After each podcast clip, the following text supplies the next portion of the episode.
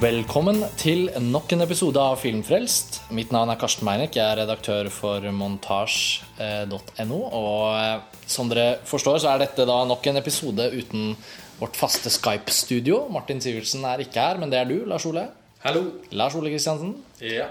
Vi liker jo denne fullt navn-ordningen, hvor vi liksom presenterer hverandre med absolutt høy formalitet. Men, men eh, vi skal bli litt mer uformelle nå. Eh, Vi er kommet tilbake fra Berlin ja. Og tenkte å ta en oppsummering av festivalen. Eh, Vi gjorde jo det etter Cannes eh, i fjor. Og det føltes som et, sånn fin, et fint format. Ja, Husker jeg vi snakket om at. Når man kommer tilbake og har sett masse filmer, det har vært mange diskusjoner, mye av det er jo eh, litt sånn løst og fast mellom visninger. og og noe skriver man noe om, noe diskuterer vi jo på festivalpodkaster der i felten. eh, Sånn som de to forrige episodene av Filmfrelst. Men når man da har fått komme tilbake, og alle filmene er en del av den samme helheten, da kjenner jeg da oppstår det jo litt sånne nye erkjennelser om at noen ting er kanskje bedre enn det virket på festivalen, andre ting har kanskje tapt seg litt og sånn. ja. Man merker veldig på det. Eh, ting, egentlig så vil jeg si at inntrykkene jevner seg ut litt. Ja, Toppene og bunnene kupp- seg av som en antidepressiva. Ja. Som vi skal komme inn på når vi snakker om Steven Soderbergs side effects. Men, eh, men vi har jo sagt nå i forkant da at vi ved å oppsummere Berlinalen så skal vi snakke litt konkret om i hvert fall fire filmer eh, som ikke vi fikk gjort noe på underveis.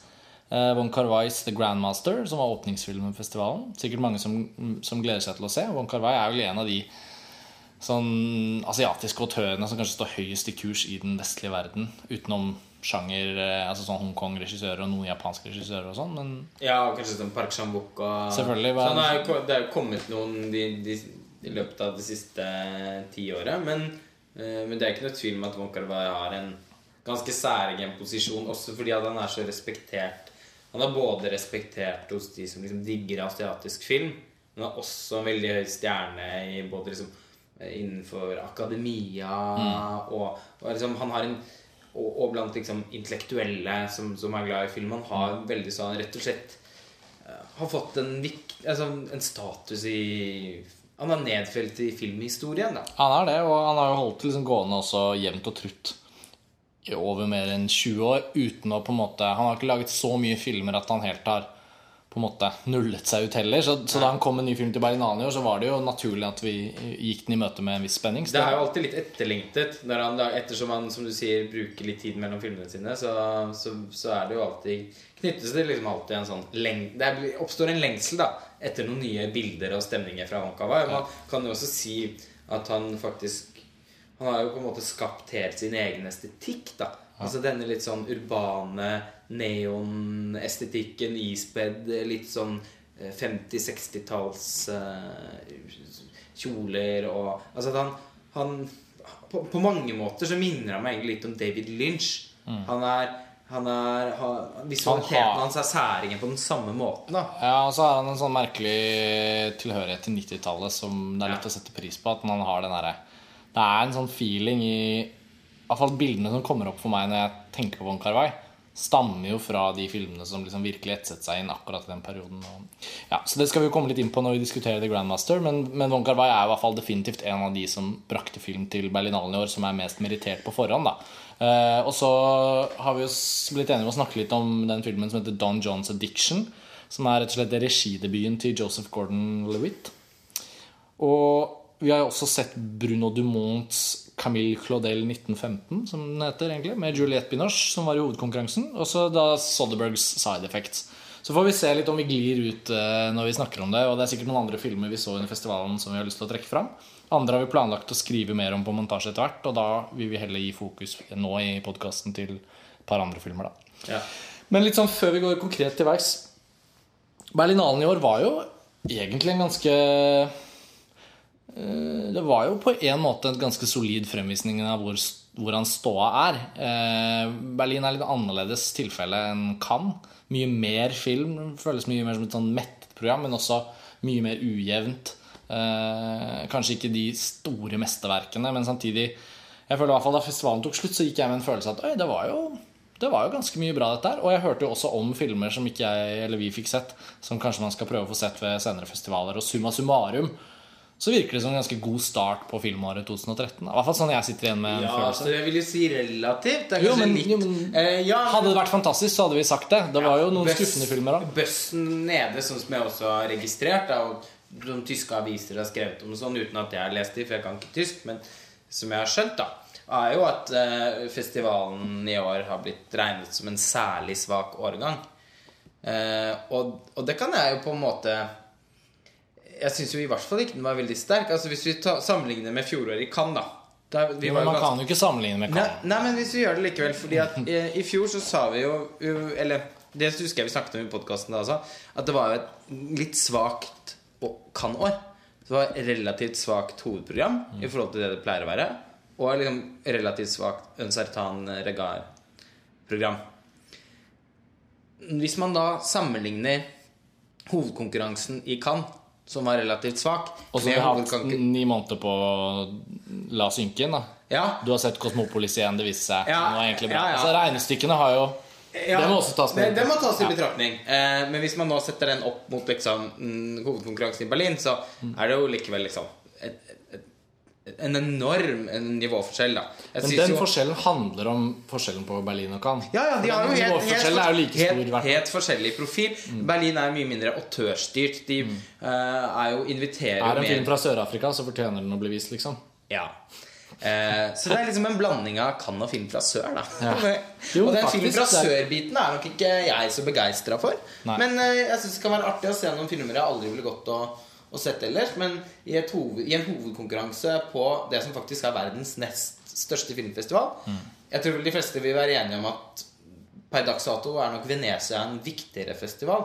Mm. Eh, men, men fortsatt i størrelse, så, og, og Sundance kanskje, Mm. og Toronto kanskje til og med. Men, men Berlin er jo i hvert fall fortsatt i størrelse verdens nest så eh, største filmfestival. Og så fungerer det som en mønstring. Altså jeg tror Hvis man summerer opp den åpenbare aktiviteten som foregår i markedet, eh, liksom i dypet av sideprogrammene, så er det også en helt utrolig sjelden anledning for visse typer film å bli vist for et stort publikum. Fordi visningene er jo stappfulle.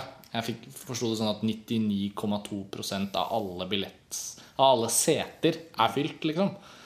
Og med unntak av pressevisninger hvor det på en måte ikke var publikum til stede utover presset, da, så var det jo aldri en sal jeg var i hvor det egentlig var noe særlig til ledige seter å snakke om. Altså et og annet ledig sete som, de- ikke rakk å fylle. Det skulle jo at- litt ma bare mangle, da. så at når man liksom tar eh, kvaliteten i betraktningen, så er vi enige. Fordi det er ingen tvil om at den helt insane bra kuraterte Cannes-festivalen og den magneten den festivalen er for autører som betyr noe, så vil Berlin alltid liksom stå litt tilbake for det. Samtidig så er det den bredden de da velger å presentere. Da. Hele forum, liksom. Eh, Sideprogrammet, Et av sideprogrammene som, som Og det var jo bra. Ja, der er. Forum var jo Forum var jævlig Nei, kult. forum Nå mener jeg nei, mener, Panorama er bra, Jeg mener men- men forum- panorama var bra. Fordi det var der vi så mest film. Ja, jeg skulle, jeg, så Men nesten forum var forum. det, det lille vi så i forum Eller i hvert fall jeg gikk jo på en film, Computer Chess, Chess. eh, som også var på et sånt eh, side, lignende sideprogram i Sundance. Da. Altså, sånn, det jeg opplever, hvis man først skal sammenligne, er jo at kan eh, tillater ikke at De tillater liksom ikke å ta sjansen på det uventede i liksom underskogen. Og der eh, tror jeg Berlin som arena er mye viktigere enn det hovedkonkurransen vil få oss til å tro. Fordi liksom, det, det, det trekkes eh, et stort fokus mot hovedkonkurransen og Panorama. De har pressekonferanser, det er et opplegg der.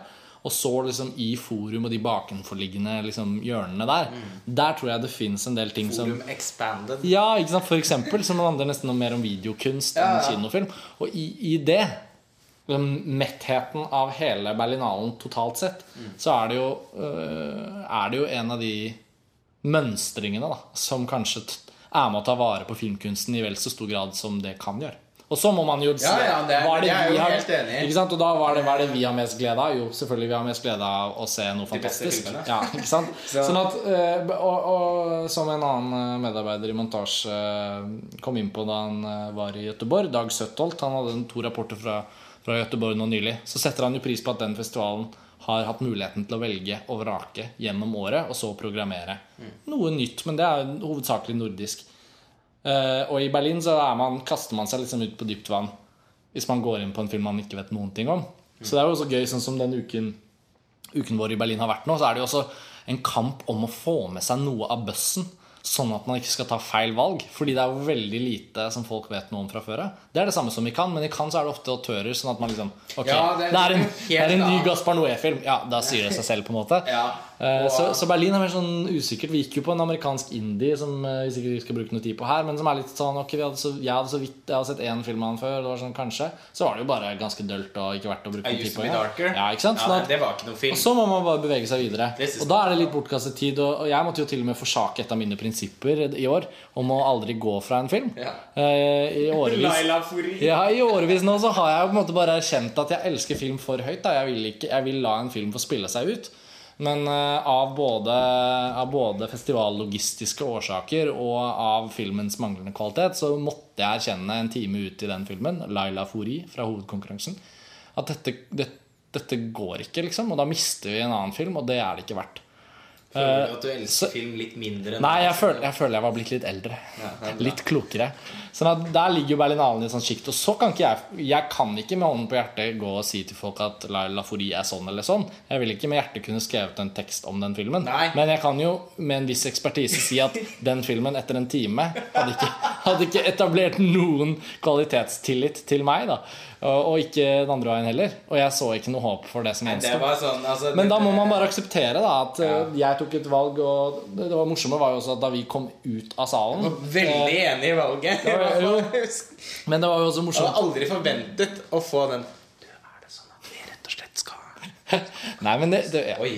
Vi gikk jo til en fantastisk filmopplevelse etterpå. Så alt, Jeg var. Men, kjempeglad for å men det interessante var jo at av den elendigheten der. jeg, hadde, jeg hadde litt eh, Det var litt eh, Jeg var litt delt inni meg da ved å bryte dette prinsippet. Men jeg må innse at jeg må ha det som et veiledende prinsipp.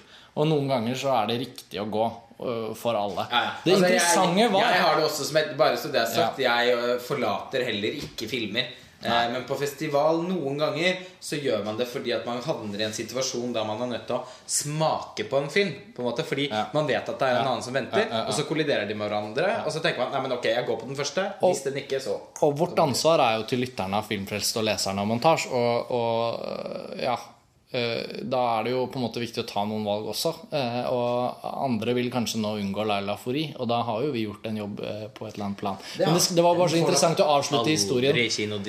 Nei, nei, men det er det jo veldig mye Men dessverre er det jo veldig mye bra fra Berlinalen som heller ikke får det. Og det er jo et eget emne i seg selv. Men for å avslutte historien, som jeg har så lyst til å avslutte, så kommer vi ned trappene i mørket og går så stille vi kan. Og jeg tror ikke vi gjorde noe særlig nummer ut av oss. Ikke sant? Men så kommer vi tuslende ut av salen og tenker sånn Ok, nei, vi måtte bare gå. Og jeg sa det til deg. Og så plutselig så ser vi at 10-15 andre kritikere på nøyaktig samme tidspunkt De grep anledningen da vi grep anledningen. Og de så at vi hadde begynt å gå, og da benyttet de muligheten. Så da kom det liksom 10-15 andre kritikere ut av salen rett etter oss. Og da var det en offisiell representant fra Berlinalen som måtte le litt og si Var det så ille? Og vi bare måtte Ja, Ja, det var det. det var. Så det er bare et lite Og var jo- eksempel. Ja, ikke sant? Og Lala Fourie, selv om det kanskje var den aller dårligste filmen eh, vi så under Berlinalen, så var jo den dessverre liksom rep representativ for en gruppe filmer. Eh, man, det, ja, Panoramaprogrammet, det vi fikk, fikk sett der, der syns jeg ærlig talt der var det mye som var spennende. Eh, det syns jeg var holdt på mange måter et høyere nivå. For det opplevdes som mer spennende enn mye av det som har vært i Uncertain Regard i Cannes. Ja, det så, så, de, så, så den syns jeg holder stand. Men hovedkonkurransen, den var jo altfor dårlig. Men etter mitt syn, og det var øh, I år så var det ti år siden jeg var på Berlinalen første gang. Jeg har ikke vært der hvert år, men øh, jeg følte en viss sånn stamina som gjorde seg gjeldende. Eh, og, da, og da slo det meg liksom at det har vel vært sannheten om hovedkonkurransen i Berlin i årevis. At det er der Berlinalen putter noen sånne gallapremierer som sikkert ikke er bra filmer, men litt for å få stjernene. Og da får de også en viss type journalister, og da blir det mer snakk om Berlinalen. Jeg tror det totale regnestykket gjør at det er verdt det for dem. Men da oppsøker de en annen status eh, hos f.eks. cineaster enn det kan gjøre. For de kan ha dette die hard-prinsippet om at filmkunsten og, og filmkunstens store liksom, stjerne, da, ledestjerne, skal dyrkes. Og, og, og så får de likevel stjerner og gallagreier i Cannes. Så det er på en måte glamouren blir jo ikke lagt til side. Så ja, uansett, da regnestykket mellom Berlin og Cannes vil på en måte alltid være Ja, Tyskland, og, Tyskland og Frankrike. Ja. Ikke sant? Så det er noe Det identitetsgreier som også det der. er veldig, veldig forskjellig. Og, Også, det, og, og det skal jo sies da for oss som pressa å gå på Cannes Festival Cannes Festivalen Cannes-festivalen er jo som å gå i krigen. Eh, å dra på Berlinalen er jo faktisk eh, en utrolig positiv opplevelse sånn rent sånn. Det er så er velorganisert. Velorganisert, Helt fantastisk teknisk kvalitet på visningene. Alt starter på minuttet. Og det er sånn Og, alle, og, vaktene, alle er hyggelige, høflige. Mm. Eh, man kommer liksom det, det skjer ikke at man ikke kommer inn på en visning. Det er akkurat som de har beregnet hvor mange journalister er det Mm. Hvor mange plasser skal vi sette av til Det, det er jo helt utrolig. Og veldig forskjellig fra Cannes, hvor du Ja. kan risikere å stå i tre timer og ikke komme inn på en film fordi Ja. at det plutselig slippes inn en gruppe på 200 andre som bare Fra en eller annen inngang, liksom. Så for de som ikke da har vært på noen av festivalene, så er jo ligningen Eller liksom Frankrike-Tyskland er jo basically den forskjellen. Ja, Også i festivalsammenheng, da. Ja.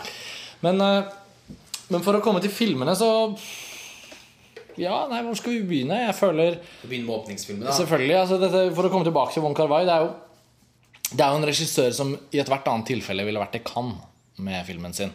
Så det ligger nok noe her. Eh, Den har vel vært i produksjon i tre år, i hvert fall.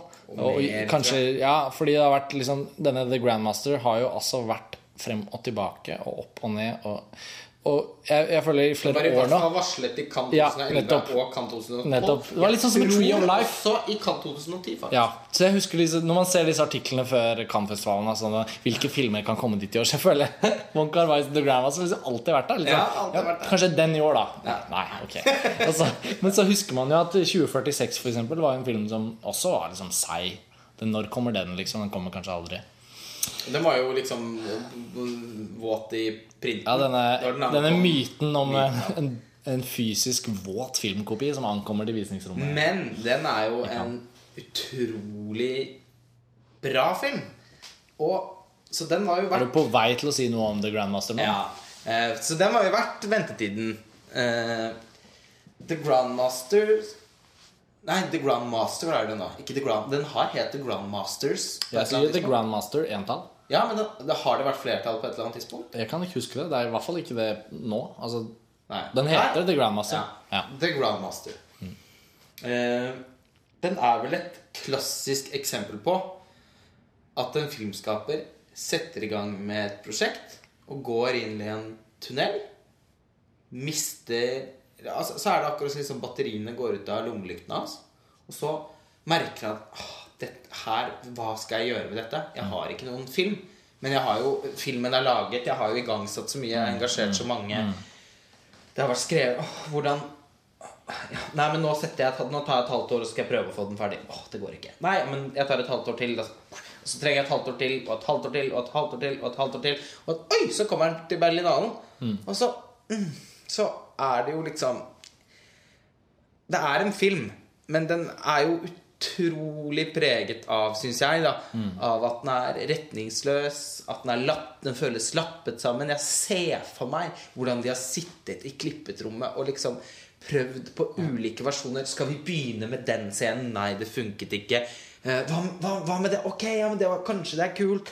Passer passer slutten? Nei, hva om vi flytter slutten til begynnelsen? Altså, jeg Retningsløst og mislykket er de to ordene som jeg sitter igjen med. Hvis jeg, Nei, vi jeg skal var- beskrive filmen. Vi var, det var den første filmen vi så, og, og det var vel ingen tvil om den skuffelsen som satt i kroppen. Og, og ikke så mye at det liksom var egentlig så høye forventninger. For jeg Nei, kjenner jo liksom hadde ikke jeg. Nei, jeg hadde veldig sånn Ok, denne The Grandmaster, da. Altså Får den bare komme og vise seg. Jeg luktet litt den lunta. Og traileren, dette veldig sånn Altså disse kine, altså i hermetegn kinesiske special effects, martial arts, historisk, episk filmsjangeren.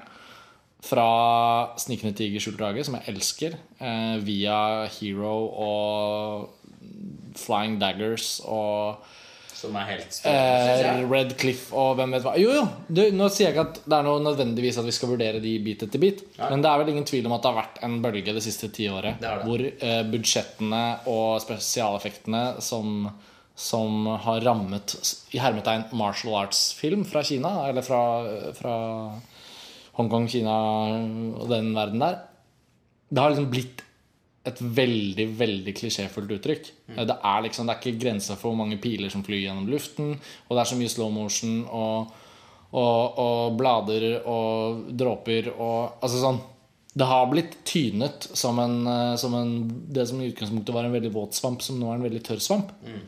Og når eh, Von Kar-wai også eh, føles det som slenger seg på dette, så var mine, i hvert fall da i forkant, mm, ganske mange anelser rettet mot det at ah, her er det nok en Wong Kar-wai-film som blir minst mulig en Wong Kar-wai-film.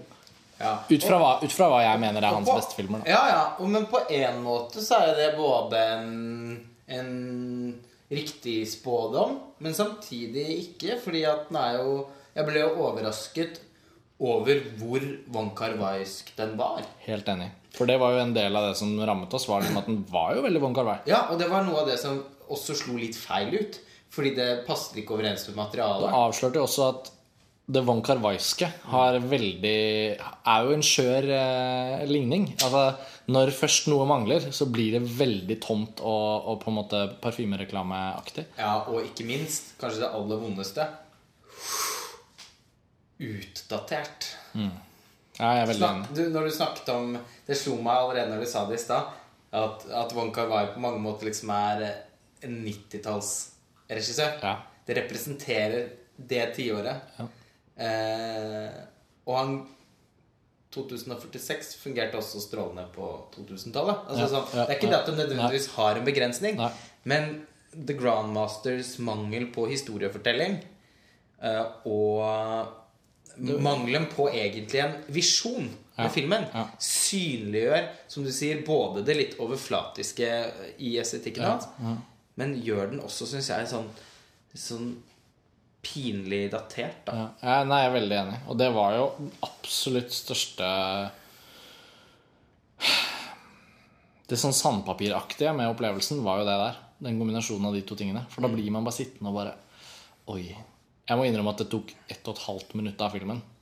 Ja, samme her. Den åpningen, da tenkte jeg sånn Å, dette var jo bedre i The Matrix Revolutions. Ja, og det jo Ikke sant? Det, og det snakket vi om rett etterpå også.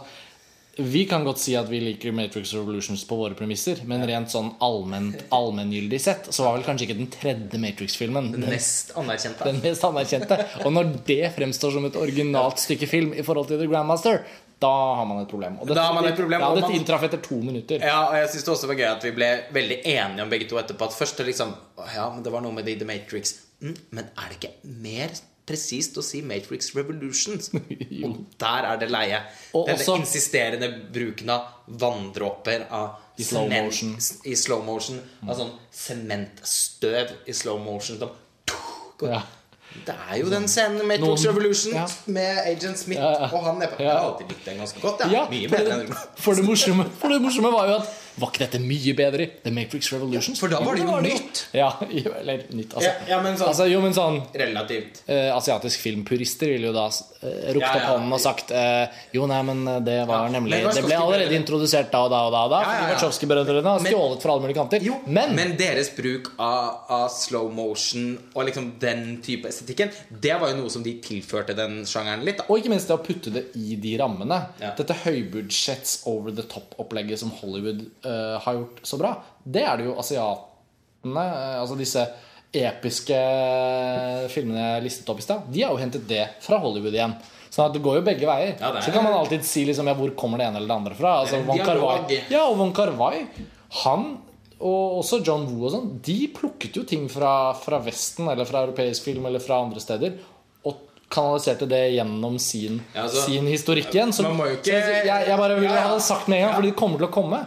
Hvis noen lytter og er så veldig uenige, så må man liksom huske på at jo, jo, man kan være purist hvor lenge man vil, men hvor er, hvor er det noe kommer fra? Det er eh, egentlig også meningsløst fordi når man da sitter der med The Grandmaster og oppriktig talt føler at Matrix Revolutions gjorde de tingene bedre, da er det først og fremst The Grandmaster sitt problem. Eh, Det er det, og bare sånn eh, Man skal også huske på det at noe av grunnen til at Von Kar-wai er så stor i Vesten, er jo at han er veldig vestlig.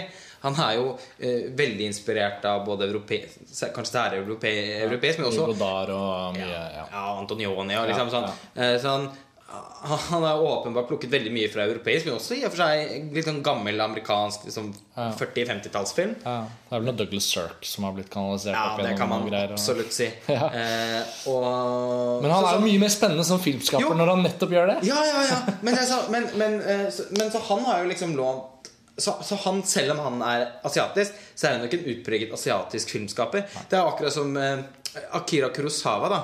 Eh, som for oss i Vesten er den helt uten sidestykke liksom den største japanske Og den mest japanske, på en måte. Ja, Tror men, man. men, ja, tror man, men det er jo helt feil. Altså, hva- han adapterte Shakespeare, han var inspirert av amerikanske gangsterfilmer. Altså, eh, han er jo var kanskje Ozu en mer japansk ja, ikke sant? Han er jo ja, Ozu er jo liksom Han er jo den rake motsetningen. Han, Ja. han tar jo for seg Alle filmene hans handler jo om Japan og japansk kultur og eh, dynamikken i den Eller maktforholdene i den japanske familien. Altså, sånn, så, sånn, det er jo spennende å se på hva som fenger oss sånn.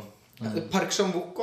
Er også, han har med seg en eller annen sånn en sånn morbid eh, tone som virker unik for sørkoreansk film uansett. Og Sør-Korea er et veldig merkelig land, sånn som jeg har skjønt det. En sånn slags stebror til eh, Japan. Det ble en vanvittig popkultur der òg. Ja, sånn helt om folk eh, ta, Altså sånn utrolig høy selvmordsrate, masse spiseforstyrrelser, plastisk operasjon Det er en veldig merkelig kultur som har resultert i noen veldig weirde filmer. Men han nå, for eksempel, er jo åpenbart veldig inspirert av, av Altså, husk, altså sånn Oldboy er, Det er mye europeisk litteratur i Oldboy. Så er det ganske mye motiv fra amerikansk film. Ja, nei, men Nå går vi inn på en helt annen diskusjon. Poenget er vel uansett at Wong Kar-wai er et resultat av mange av de filtreringene på tvers av kulturer som nettopp har skapt uttrykket hans. Men når han nå går og kanskje gjør sin absolutt da mest asiatiske film, da, på sett og vis Ja. Fordi han skal faktisk fortelle om kung fu-kultur. Dette er jo også en biografisk film Om Ip Man. Ip Man, burde man vel da si. Det høres jo ut som Ip Man, Ja. en, en superhelt fra Marvel-universet som ble glemt. Men, eh, Ja, men, men, eh, men det er jo en historisk figur som fungerte som en veldig viktig mentor for Bruce Lee i sin tid. Sånn som jeg har forstått det. Eh, Filmen kommer ikke særlig inn på dette, men det handler i hvert fall om hans liv og virke i en viktig periode. Mm. Så det er jo et, faktisk et bio, en biografisk film om en figur som er veldig veldig kjent eh, også for så vidt for, for, for vestlige fans av, av kung fu-kultur og, og Hongkong-film og alt det der, men særlig i Kina. da. Og jeg leste jo at den versjonen vi så på Berlinalen, som er to timer lang, var blitt kortet ned med 15 minutter. Og da sa Wong Kar-wai i et intervju at jo, jo, nei, det var jo visse ting vi så vi kunne stramme inn på, men det handlet hovedsakelig om å ta ut ting som var helt innlysende for et kinesisk publikum, men som for et vestlig publikum bare ville fremstå som løse tråder. Så er det masse løse tråder som gjenstår i filmen, som han ikke gjorde noe med. Så det kan man jo spørre seg om. Men uansett, da. Temaet for filmen er i hvert fall utpreget eh, kinesisk. Eller jo, kinesisk, da. Jeg sier det sånn. Ja. Det er ikke sikkert noen nyanser der mellom, ja, ja. mellom Hongkong og Kina, altså, men det kan ikke vi noe om. Nei. Så, det så det at filmen er såpass kinesisk, gjør jo dette egentlig kanskje til Wong Kar-wai til Dette er en av hans mest på en måte hjemlige filmer. da Mm. Samtidig så er den Selv om vi kan identifisere mye Wong Kar-wai i den, så mangler den likevel noe av den nerven som, som gjorde seg gjeldende. Jeg syns jo ikke My Blueberry Nights var en særlig sterk film heller. Jeg må skyte inn det Men, men den har jeg nesten glemt. Dette føles som en film som føyer seg mye mer til det han har holdt på med, som har gjort han så kjent. da Og så er det veldig synd at den mislykkes. Og så kan vi gå veldig inn i ting, men det er kanskje jeg vet ikke hvor mye mer vi på en måte skal si utover det faktum at den, den, virkelig, den virker liksom bare som en sånn En veldig sånn lei du, du sa det godt i begynnelsen, at lommelykten sluknet. Den er retningsløs. Den, den forsøker innstendig på sitt beste, da, etter mitt syn. Når filmen er på sitt beste, så klarer den å forsøke å studere hva kung fu-kulturen og dens arv, og hvordan det viderefortelles liksom i hermetegn når det læres videre til nye generasjoner. Og det at ikke ting må gå tapt, og noen ting går tapt. Sånn. Plutselig diskuterer den litt sånn Tar vi vare på kulturen? Bitte litt. Men ja, det er virkelig sånn Det er, det er som om liksom, du kjører bil og holder armen ut av vinduet og kommer borti noe bjørk. Som Ja. du kjører forbi. Det er litt sånn. Mens hele bilen er bare veldig, veldig problematisk. Da. Ja, det er, det er Dessverre er det litt sånn. Og den filmen Den er litt sånn, sånn Det er også som en sånn Apropos denne retningsløsheten, da. Ikke sant? Så jeg syns den grøter seg så voldsomt til mot slutten òg. Da har han liksom kommet inn På slutten så begynner han litt å fortelle en historie som han kan hekte seg med på. Men der roter han seg også bort i en sånn, syns jeg, en litt sånn mislykket sentimentalitet. Som særlig vil bli mislykket fordi han helt åpenbart forsøker å lage en hyllest til Sergio Leones mestermesterverk uh, 'Once Upon a Time in America'. Som Mm. Ja, jo er en av de beste filmene som noensinne er laget. Ja, og det er- det blir veldig pinlig, syns jeg. Det er veldig, og det er flere sånne pinlige ting underveis i filmen også. For det kommer jo karakterer sånn inn fra venstre som ikke har blitt introdusert, som bare plutselig dukker opp i filmen. Og så får man ikke noen introduksjon. Man får ikke noe for, altså det, når vi snakker om retningsløsheten, så er det jo også konkretisert av helt sånne utrolige eksempler. Du kan ikke fatte hvorfor hvorfor har gjort det. Og når f.eks. dette pek, eller overtydelige peket til Det er jo flere pek. Ja. Først så er det jo bare liksom hele strukturen, eh, og så er det noe motiv med en jernbanestasjon, og så er det liksom Ok, så for Allerede der begynte jeg å tenke hm, her er det litt sånn Once Upon a Time in America ute og går. Ja, men ok. Og så kommer det en scene hvor Shang-Chi røyker en hasj-opiumspipa under dette sjalet.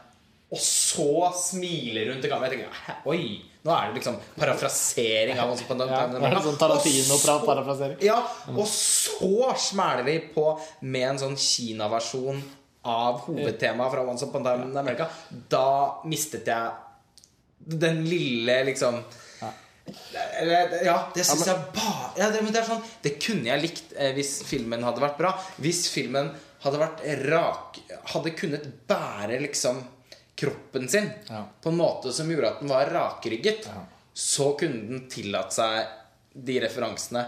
Men sånn som det ble nå, så ble det jo bare ett av mange sånn håpløse forsøk, syns jeg, på eh, liksom løfte den til å bli noe stort. Og det, det, det er den jo bare dessverre ikke.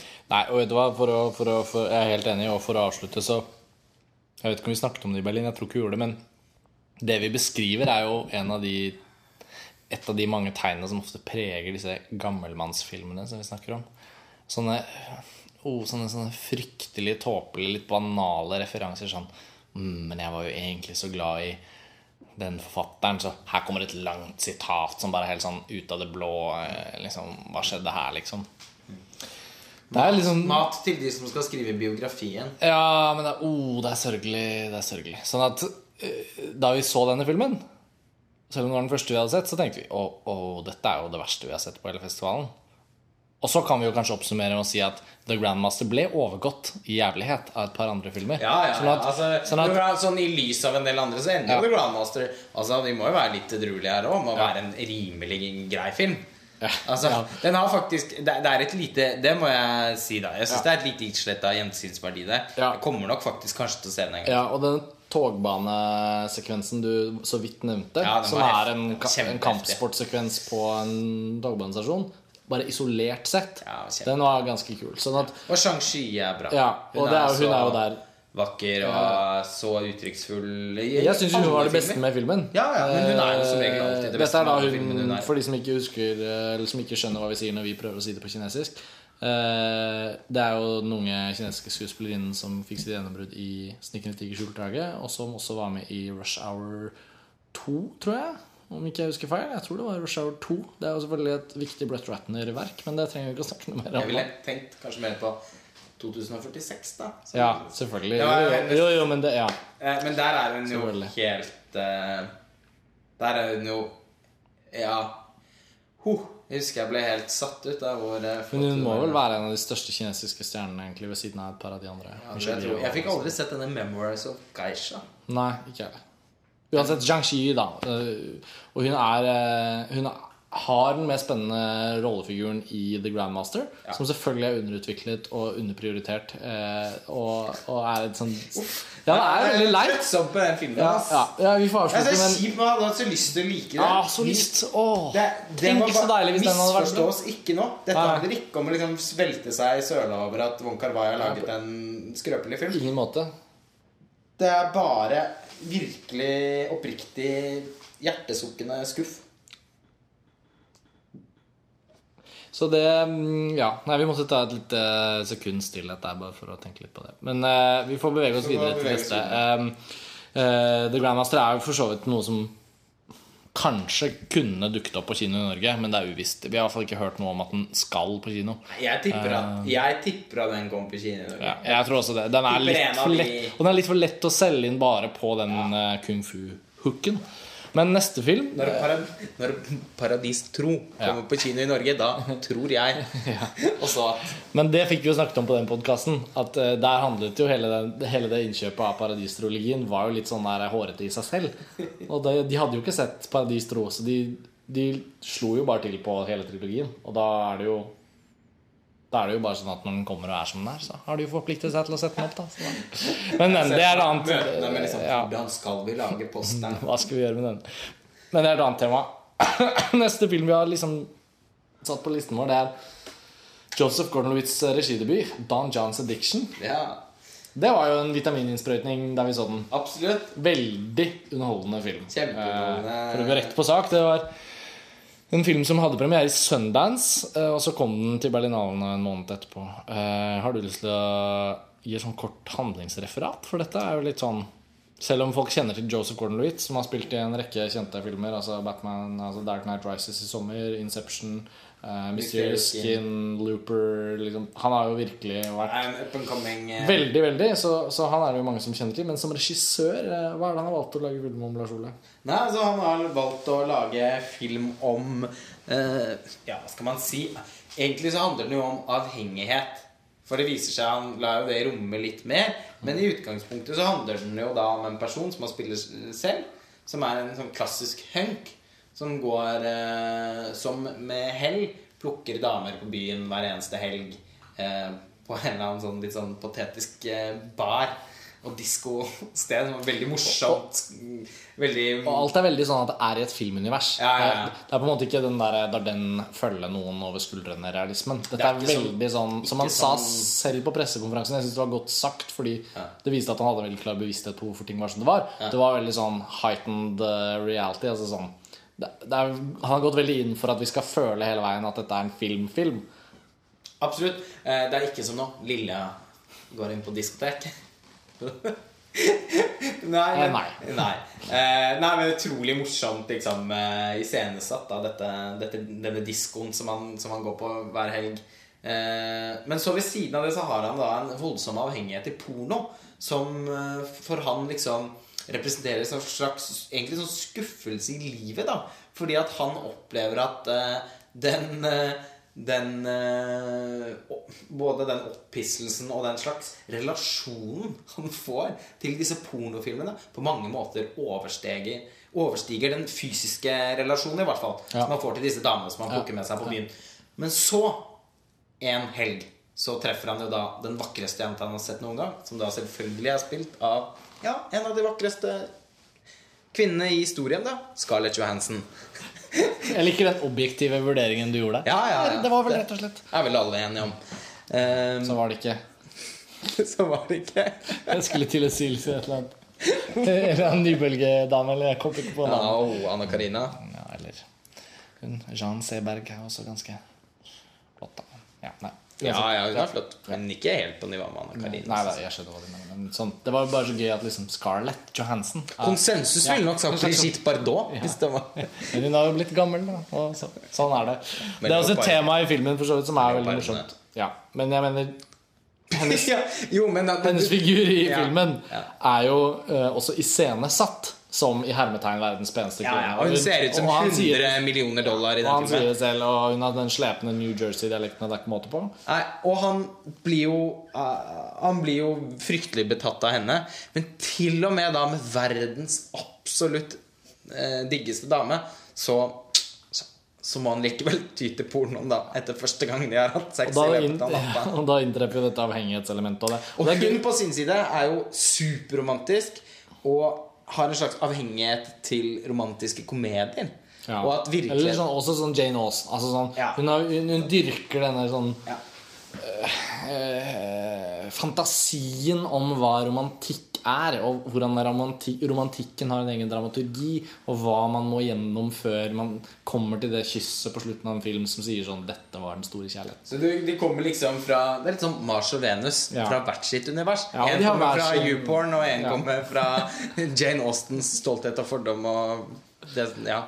Og på dette tidspunktet i filmen så er det jo satt opp et premiss som egentlig virker helt utrolig interessant som en sånn hvordan to sånne, sånne karikaturer på det de er, da kan kollidere, og man kan se liksom ja. Sånn at ø, ideen for filmen er veldig god. Jeg må innrømme at nå som festivalen er over, og nå som vi diskuterer den, syns jeg det er veldig gøy å tenke på at den på absolutt helt feil måte, men også litt riktig måte, er en parallell til 'Requiem for a Dream'. En annen film som handler om avhengighet. ja. Eh, og, og som på en måte har herfra og ut ingenting til felles med Don Johns Addiction. Men på et eller annet plan så er det jo to filmskapere som sikter mot en type samfunnsinnsikt på tvers av den sjangeren de gjør. Og så kan man si at Darren Aronofskys 'Requiem for a Dream', mesterverk, filmklassiker, helt enestående i nesten alt den gjør.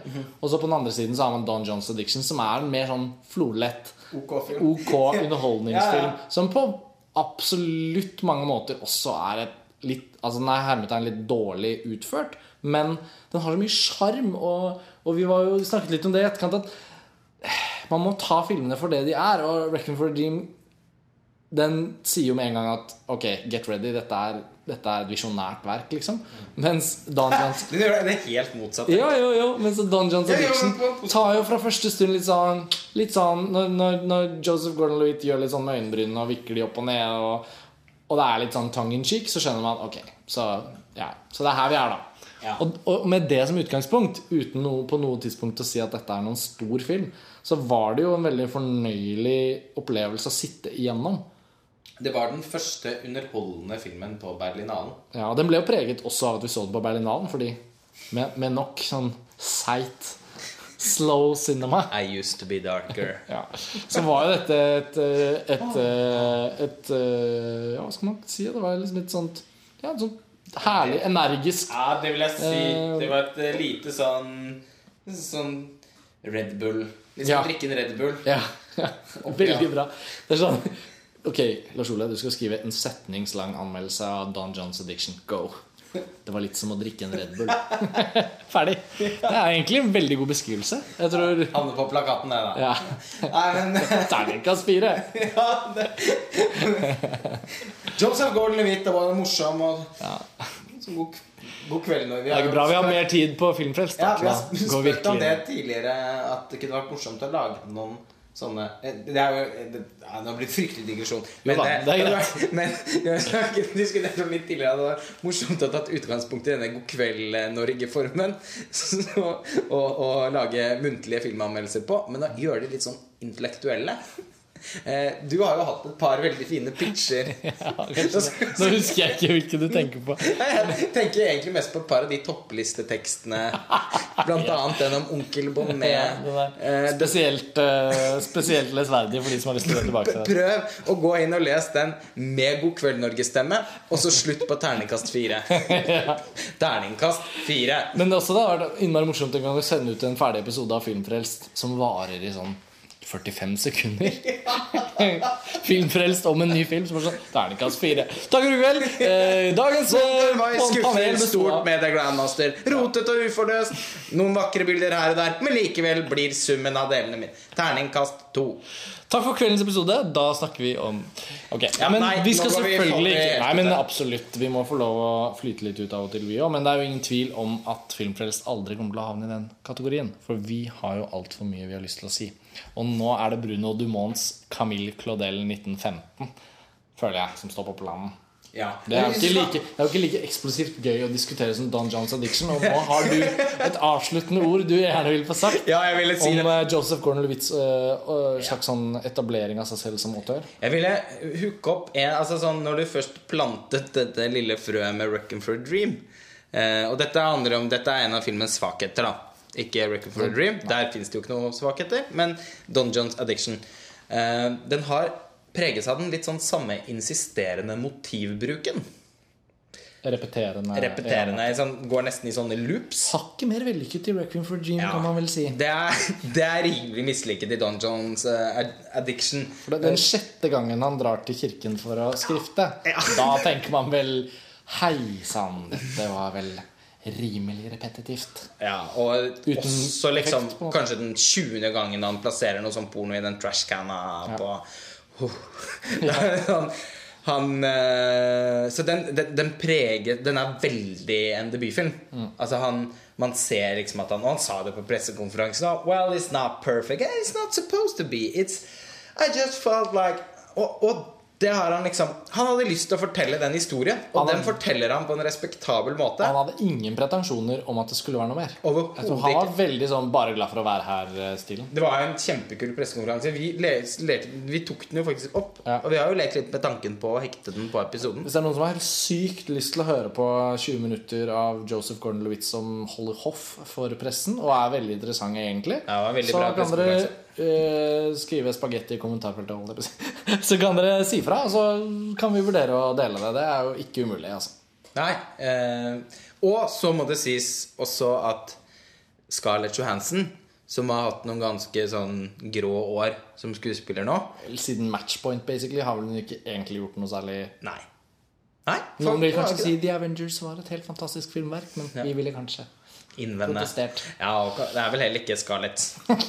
Det er ikke hun som driver filmen. Nei, det vil jeg ikke si. Og Uansett, hun, eh, hun har jo lagt seg på en linje. hun har jo bare blitt en kjedelig skuespiller som spiller i litt sånn intetsigende Hun har filmer. havnet litt i samme kategori som hun Jessica Biel. Den var hard, men Jo, men sånn når man først Jeg- tar jeg- noen av de dårligste filmene Ja, men jeg, bare tenker, jeg tenker vel mer det at Jessica Biel kanskje aldri hadde noen Lost in Translation. Eller Ghost Hun hadde Rules of Attraction. som jo selvfølgelig er en av de beste filmene. Men jeg skjønner, det var ikke noen, det var 2000-tallet, ikke men noen sammenligning i bakoverrettet Hennes rolle i The Rules of Attraction er vel kanskje ikke heller helt Jeg syns hun gjør det ganske bra når hun Når hun danser med den rusbrusflaska Ja, ja, ja. ja, fy faen. Den filmen kunne man jo sett hver dag. Ja, det er sant. Så er det sagt. Um, men jo, Scarlett Johansson gjør en jævlig bra rolle i Dungeons Addiction. Rett og slett. Dødsbra rolle! Vi har jo ikke kommet til Camille Claudel 1915 ennå. Julie Pinoche. Ja. Mm, Jeg vet ikke. Uh, nei, men altså, det er helt eh, seriøst. Hvis filmen hadde vært enda litt bedre, og den hadde blitt lansert i riktig sesong, så tror jeg faktisk eh, Scarlett Johansen kunne vært sånn som hadde fått noen nom- birollenominasjoner, faktisk. For den rollen. Om ikke nødvendigvis til Oscar, så kunne hun i hvert fall Nei, men fått sånn Golden Globe Ja, Ja. det, var, det er litt mer der jeg tenker. Så vi får se. Men vi, den kommer jo til å bli lansert på Altså Den ble jo kjøpt opp etter Sundance, tror jeg, for ganske mye penger. Fordi jeg tror folk ser selvfølgelig det kommersielle potensialet. Så det er ikke siste Siste ord er ikke sagt om Don Johns Addiction. Vi får sende Dag på den. Søtholt er ansvaret. Bilde for bilde-analyse av Montasjebruken. ja. Ok, ja, nei, men Skal vi vi- gå til Bruno Dumont? da? Ja, vi må gjøre det. Ja, vi må gjøre det. Forrige filmen hans, Or Satan, Outside Satan, som vi så i Cannes for da to år siden, det var en ganske kul filmopplevelse. For Ja. de som ikke kjenner Bruno Dumont, da, det er jo det er vel en, film som kanskje, nei, en filmskaper som kanskje mange kan peke på og si jo det er han. Men det er nok ikke så mange som har tatt seg tiden til å se så mye av det han har gjort. Og har du veldig... gjorde jo faktisk gjorde deg litt flid nå før Berlinalen. Så du har jo passert meg med antall Bruno Dumont-filmer sett. Men uansett, vi har sett nok til å kunne referere til det på en ganske tydelig og konkret måte. Og, og Satan for to år siden var jo på en måte Det var litt sånn Vi satt der på premieren, Bruno Dumont var der. Han kaster jo alltid sånne utrolig forkvaklede fjes og typer i sine filmer. Og nå, nå skal vi snakke om en film med Juliette Binoche i hovedrollen, men det må jo sies at nå, da, nå som dette her eh, sklir sånn ut, men på en hyggelig måte likevel, kan du ikke da koste på deg å fortelle anekdoten fra den premieren om hun som ikke kom opp på scenen? Jo, for da Det er mulig noen har sett uh, Satan av de som hører på, men det er i hvert fall en film om basically to personer da på den eh, fransk-belgiske landsbygda. Som eh, en jente som er en litt sånn fortapt type. Ganske egenartet av utseende og litt sånn tilbaketrukket og lei. Og så kommer det en slags sånn Jesus-figur da inn i livet hennes som tar, tar grep. Og det er noe dagslys sex, og det er både det ene og det andre. Og det meste foregår på litt sånne leirete jorder rundt omkring i Flanders. Og så har jo Bruno Dumont plukket disse menneskene fra hvor nå enn han finner dem, det vet jeg ikke. Men for de som har sett mye Bruno Dumont, som vet hva vi snakker om, så er jo altså film etter film så finner han disse Ansiktene. ansiktene. Er Han er jo litt sånn en maler Ja, ja, på en måte, som har hentet inn si. på en måte i hermetegn eh, prostituerte og uteliggere og spedalske inn i, inn i, inn ja, inn i liksom. malestudioet sitt, og så avtegnet dem. Og så, Caravaggio. så får vi se. Så på denne premieren i Cannes altså, så, var jo skuespillerne til stede, og alle opp på scenen og klappet i klappåtta. Det var jo bare to, da. Ja da, men liksom crewet, det var flere Det var jo flere der. Og så, og så var hun jenta da hovedpersonen. Hun ville jo bare liksom ikke opp, eller ville heller ikke bli klappet for. Og så til slutt så Ja, du må gjerne fylle inn nå. Altså, det, Ja, for, ja, for nå, poenget var jo at hun er jo ikke hovedperson, hun er egentlig en bikarakter som okkuperer litt den siste halvtimen av filmen. Fordi at hun har noe aldeles vanvittig voldsom sex med han mannlige hovedpersonen ute på et sånt leirjorde. Mens hun skummer fra munnen og det er klart er, ja. sånn at, Og det hadde vi akkurat sett da et kvarter før. Med Alle en- sammen. Ja, altså sånn Og når det er kliss nakent i en Dumont-film, så er det liksom Da, da er det Ingen tid full frontal nudity. Og ikke noe skygger og ikke noe sånn Overhodet ingen forsøk. Nei, ingen forsøk på å gjøre det flatterende. Og eh, det var vel ikke bare oss som måtte le litt under den scenen i salen? På ingen måte. Det var vel poenget også, tenker jeg. Ja, det tenker jeg. Så- Og når lyset ble slått på, applausen var der, og ah, så kom de skuespillerne opp med brun de Og han prøver da oh, Kom opp, da vel! Til hun, denne kvinnen som lå der og sprika med bena i leirer. Kvarter tidligere. Ja. Ja. Og hun bare holder alle hendene for ansiktet og sier nei, nei, nei. Spotlighten kom. Alle ser på henne. Publikum, jubelen der i taket. Ja. Men det er en veldig sånn kan-øyeblikk. da Og på Berlinalen så er det jo litt mer sånn eh, Hva skal man si tilbaketrukket. Og, og i denne nye filmen så er det jo egentlig Nå som vi var inne på det, da. Dette er jo da en Bruno Dumont-film som mangler dette autørtrekket. Eh, det manglet ikke på karismatiske, snåle figurer i filmen. Ja, det var veldig Men- mange mongoloider med. Men den de, manglet disse leirjordene, dagslys-sexen og alle som har sett disse filmene, skjønner hva vi mener. Dette er jo ikke ment som en sånn tulleting. Det er jo veldig spesielle filmer, og de er helt egenartede, til og med når de ikke er av de beste. Sånn som Offsatan er jo ikke en, liksom, nødvendigvis en topp tre av Bruno Dumont-film.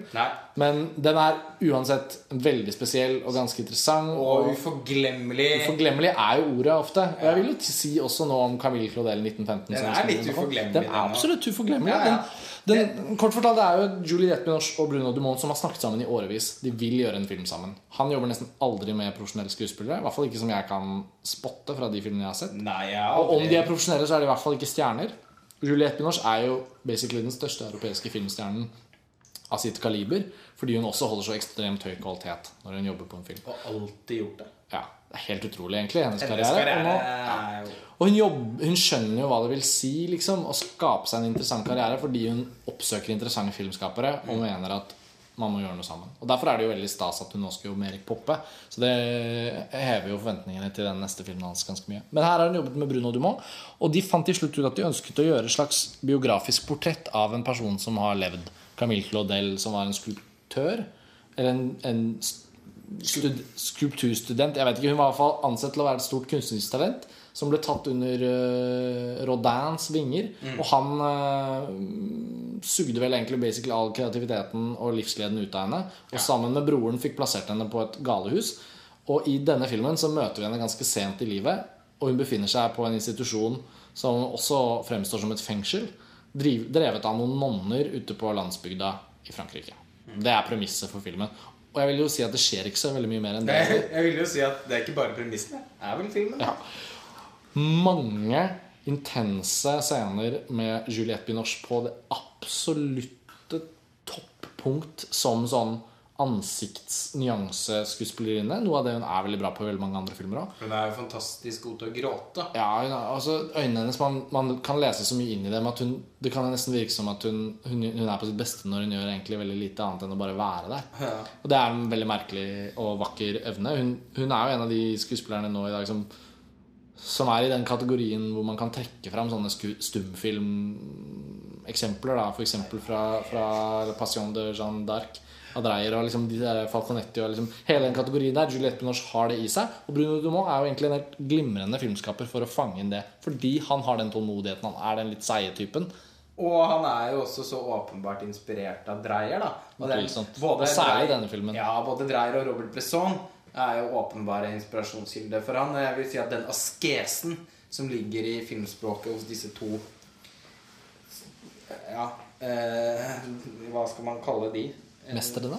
Ja, mest, ja det så prøvde jeg å komme på noe Noe som veide, veide enda tyngre? Ja, men det, det blir vel mesterne, da. Ja. Eh, så eh, Ja, den, den askesen da som ligger i filmspråket deres, eh, respekten for, for bevegelse, eh, for, for en kropp, for et ansikt, og den nesten sånn litt sånn sakrale tonen, da.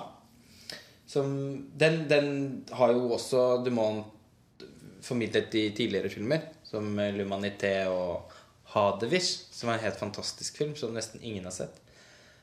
Uh, og det gjør han her også.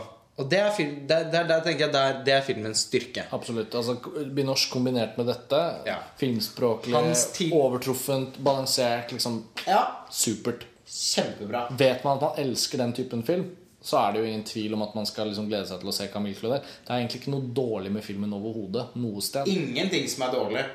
Reservasjonene våre stammer jo da heller fra det faktum at filmen er litt Den er jo litt eh, drepende i sin eh, tilbaketrukkethet, eller hva man skal kalle det. Altså, det. Det er vanskelig å finne de riktige ordene, men det er bare noe med at det er en seig, stoisk Den er litt sånn Er den også litt kjedelig? Er Ja, det den er vel det. Kan man skjære gjennom all kvaliteten og si at på tross av alt dette, Ja. så er den vel litt kjedelig på den måten som er bare rett og slett at den er kjedelig? Ja, det syns jeg nok vi kanskje må tillate oss å For si. tematikken er jo ikke liksom aggressivt til stede heller. Den er Og tematikken er heller ikke, om jeg tør å si det, spesielt interessant. Nei, det er jo noe veldig sånn all, Det er allment til det litt sånn uinteressante. Da. Sånn Ja, isolasjon og, og, og urettferdighet føles urettferdig. Ja. Og religionen har en rolle som både undertrykkende og på en merkelig måte frigjørende makt i et menneskes liv. Når man trenger det, når man ikke trenger det. Når du blir institusjonalisert, når det er et, et eksempel på individualisme. Bla, bla, bla, bla, bla.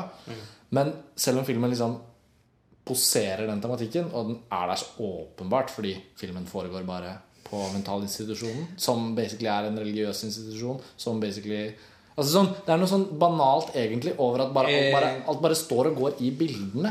Ja, det er, det er, den, er, den er veldig deskriptiv. Ja. Den, jeg føler ikke at den diskuterer tematikken sin på en spesielt Eller ikke på en interessant måte. Den diskuterer den heller ikke. Nei, den, den den gjør ikke bare det. stilles frem foran oss, og så, bare, og så er jo fantastisk bra Juliette Binoche. Det er liksom Ja, ja. det si. Altså, det, Ja, det er ikke egentlig Den- da noe mer å utsette på enn at den, Men den holder- blir liksom uviktig. Ja, og den holder liksom Den er så Den prøver på en beundringsverdig måte å være liten. Altså sånn Mm. små virkemidler, små liksom Den er liksom Men den imploderer også litt Mm. i, i ja, denne askesen da, som jeg snakker om. Mm. Eh, man sitter også igjen med en film som er litt ingenting. Mm. Bortsett fra at den er et veldig godt filmhåndverk Mm. og en flott Nok en Mm. imponerende ja, eh, rolleprestasjon. Hun er liksom en institusjon. Ja. Eh, men, men det er på en måte det filmen er. Den, den, den er liksom litt på vei til å heve den opp til noe mer. Det er, han, får nok, han er veldig god Dumont er veldig god på å få inn dette på, på Ja, den litt sånn sakrale følelsen, da. Men, Mm. Men det blir veldig interessant på landsbygda i kontemporær setting fordi den da stilles Da kolliderer to ting med hverandre, Ja. og det blir litt merkelig, liksom. Og så må han dra det litt lenger enn det han gjør her. Ja. Det er for tilbakeholdent. Ja. Eh, og det, derfor blir liksom Han vurderes jo nå, Vi vurderer han jo nå egentlig i sjangeren Bruno Dumont. Ja, For han og er ikke så lett å sammenligne med så mange andre. Nei, og det er allerede en sjanger som krever en viss tålmodighet, og som man, man er innstilt på å liksom Tenk første halvdelen av Orsatan, som basically består av folk som går frem og tilbake over jorder. Ja. Med noen sånne sinkbøtter. Ja. Uh, Det er jo også en tålmodighetsprøve. Første timen av uh, The Turin Horse påminnes jeg om nå. Jeg husker at Hvorfor vil ikke hesten bevege seg? Ut og hente vann. Kokte poteter. Snakk om gjentagende motiver. Ja, ja. Litt som i Don Johns Addiction. Ja. Når de potetene kommer for sånn åttende gang. Men der ble det bare veldig flott, da. Eh, ikke et vondt ord om den filmen. Jeg vil si Turin Horse holder seg veldig mot alle disse sammenligningene. Det- Tenk det- den scenen hvor, hvor kameraet har stått i én innstilling utrolig lenge, og så går de med den kjerra. Endelig får de stabla den på plass og går opp den lange, lange veien opp den bakken, opp til treet, og og så snur de! Ja, Turin Horse er liksom både liksom, kunst man kan ta vanvittig på alvor, men når man først begynner å tulle med den filmen, så er det jo liksom ingen grense for hvor morsom den er. Nei, det er det. nesten- Claudel er dessverre heller ikke der, da. Nei. Ja, det er faktisk, nå ble det jo en veldig god sammenligning, fordi Turin Horse er jo altså så komplett uh, kompromissløst som det den er.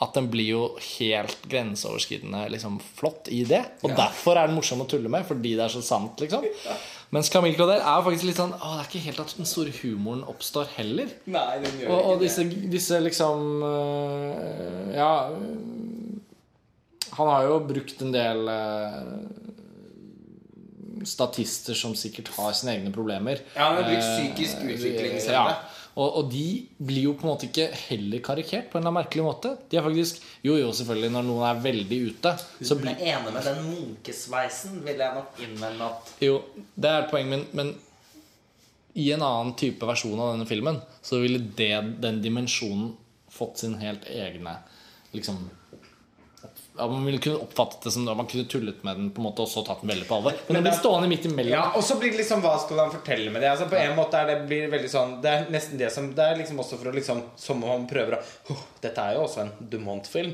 så jeg må jo ha med disse Ja, ja. ansiktene. Og eh, på en måte så kan man jo se filmen som en muligens en kommentar til institusjonsvirkeligheten i dag òg, da. Det er jo veldig ofte sånn at psykisk syke mennesker som jo kan være veldig deprimerte og ha angstanfall osv., osv., kan de ofte plasseres i sånne i boliger med sterkt psykisk utviklingshemmede og sånn, hvor hele ideen om å liksom øh, dele en bo Eller bo i et sånt bofellesskap blir helt på trynet, da. Fordi at uh, man ikke noen er på et så mye høyere nivå enn de andre, og det, det føler til fører til enda større fremmedgjøring og enda mer angst. Her har jeg en, jeg har en tremenning som, som, som uh, er sterkt psykisk syk, og som en gang havnet i en lignende et lignende sånn bofellesskap. Jeg husker jo hvor eh, frustrerende det var for både han og hans familie. Men, så, men den parallellen Det er jo ikke heller noe som du må forfølge. Eller sånn, Du føler ikke at det liksom aktivt er noe som undersøkes. Det blir litt sånn at man må lese det inn selv. Så det er en, eller annen form for sånn passivitet i filmen som vi har nå kommet litt inn på, som vel er den sluttfølelsen man sitter igjen med.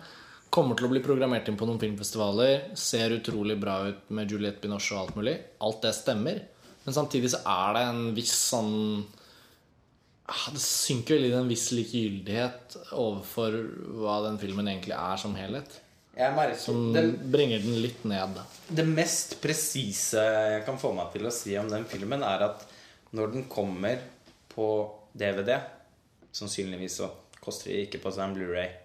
Blir en DVD. Play.com. Ja ja, Play er kanskje lagt ned. Skal jo legges ned. Eh, men liksom en nettbutikk hm, Jeg venter til den går ned i pris. Så koster den sånn 5,99 Eller sånn Ja, nå er 7,99 euro. Så tenker jeg jeg må jo liksom kjøpe den for å ikke få noe hull i Demont-rekka i DVD-samlingen. Og der blir og den alle. kapslet inn i plastikken i årevis. Og for alle som er litt mindre kompletister i sin filmsamling enn deg, så blir den kanskje ikke noe de vurderer, da. Nei. Men uh, man kan jo også si at den korteste anmeldelsen vil jo være at Camille Claudel 1915 er litt som å ikke drikke Red Bull. Eller? Det vil jeg si meg veldig enig i. For å trekke- Det er som en sånn glass kefir. Glass kefir, ja.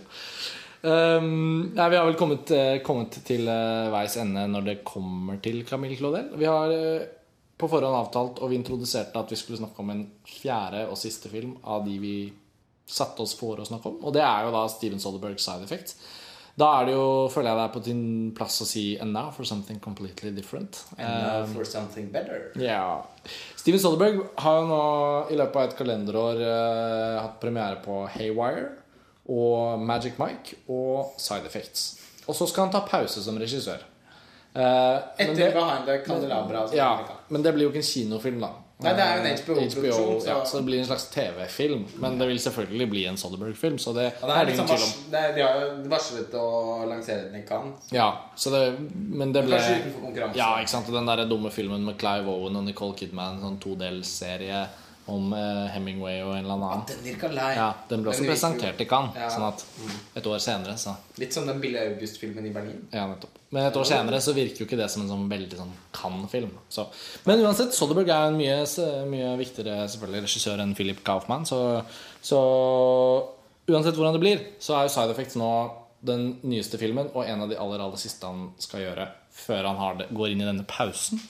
Og, og man kan vel si at det er sannsynlig at Soderberg kommer til å lage film igjen. Fordi han har jo ikke liksom ikke sagt at dette er the, the very end.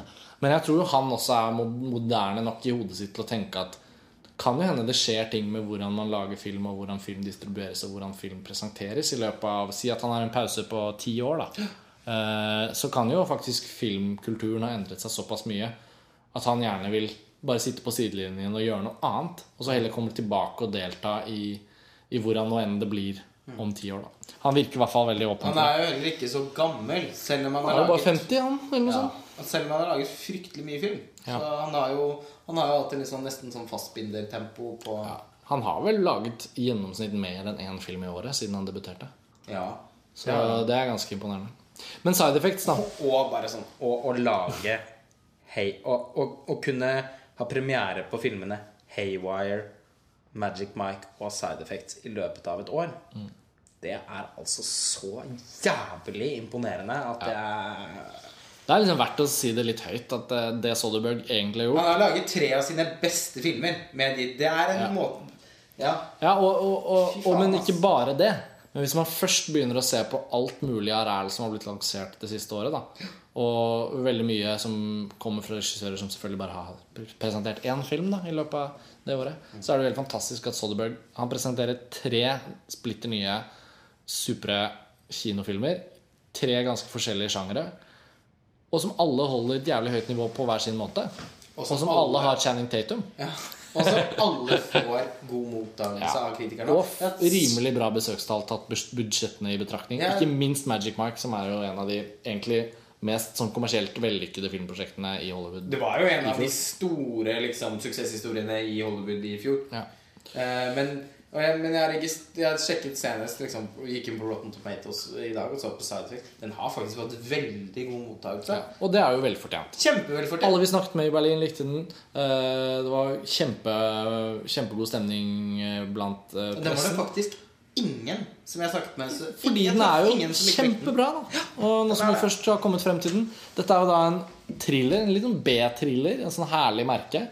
Type sånn sjangerfilm som, som, som eh, ja, presenterer et ytre, og som også kan åpne opp for disse russiske dokkene innenfor, innenfor, innenfor. Og det er litt herlig å tenke at ja, gå og se den. Vi skal ikke si så mye om handlingen.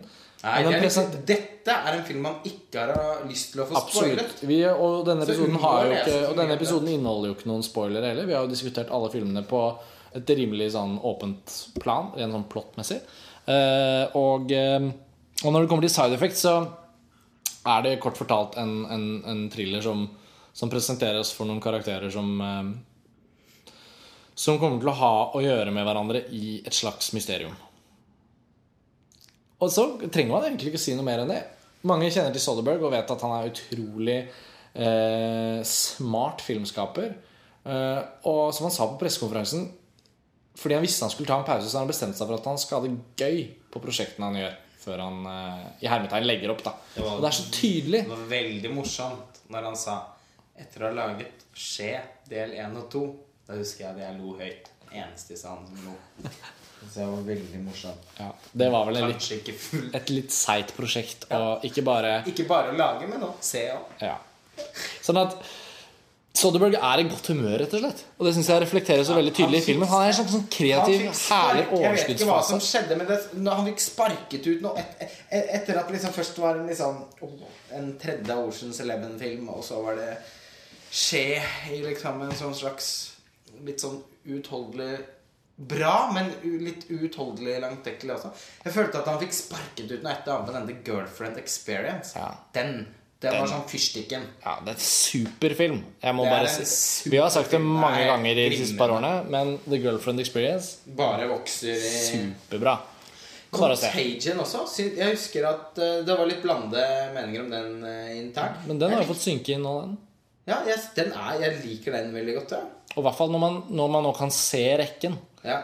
Fordi det må jo skytes inn at eh, fire måneder før Haywire så kom jo Contagion. Så hvis man gjør dette til en sånn 15 måneders bakoverspoling, så har jo Soderberg egentlig laget fire filmer. Sånn at det blir jo egentlig bare mer imponerende desto mer man tenker på det. ja, det er helt vilt. Men Side Effects er liksom sånn Den er jo da bra på en sånn derre Jeg vet ikke, den er, liksom, den er bra på nye ting igjen enn hva de andre filmene var bra på. Ja. Jeg, vil si f.eks. Filmreferansene, det jo, han, han pirker litt i en annen retning igjen. jeg vil si at den filmen den ligner mest på, uh, er den som jeg syns er den aller beste. da Disse scenefilmene. Det er Haywire. Fordi uh, i Haywire så Så bare virket det som han liksom bare hadde bestemt seg for å lage en ren film.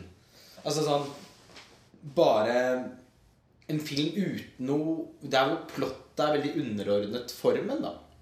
Måten All suspens i Haywire ligger i hvordan den er Altså i kameraarbeidet og i måten den er klippet på, i bruken av musikk.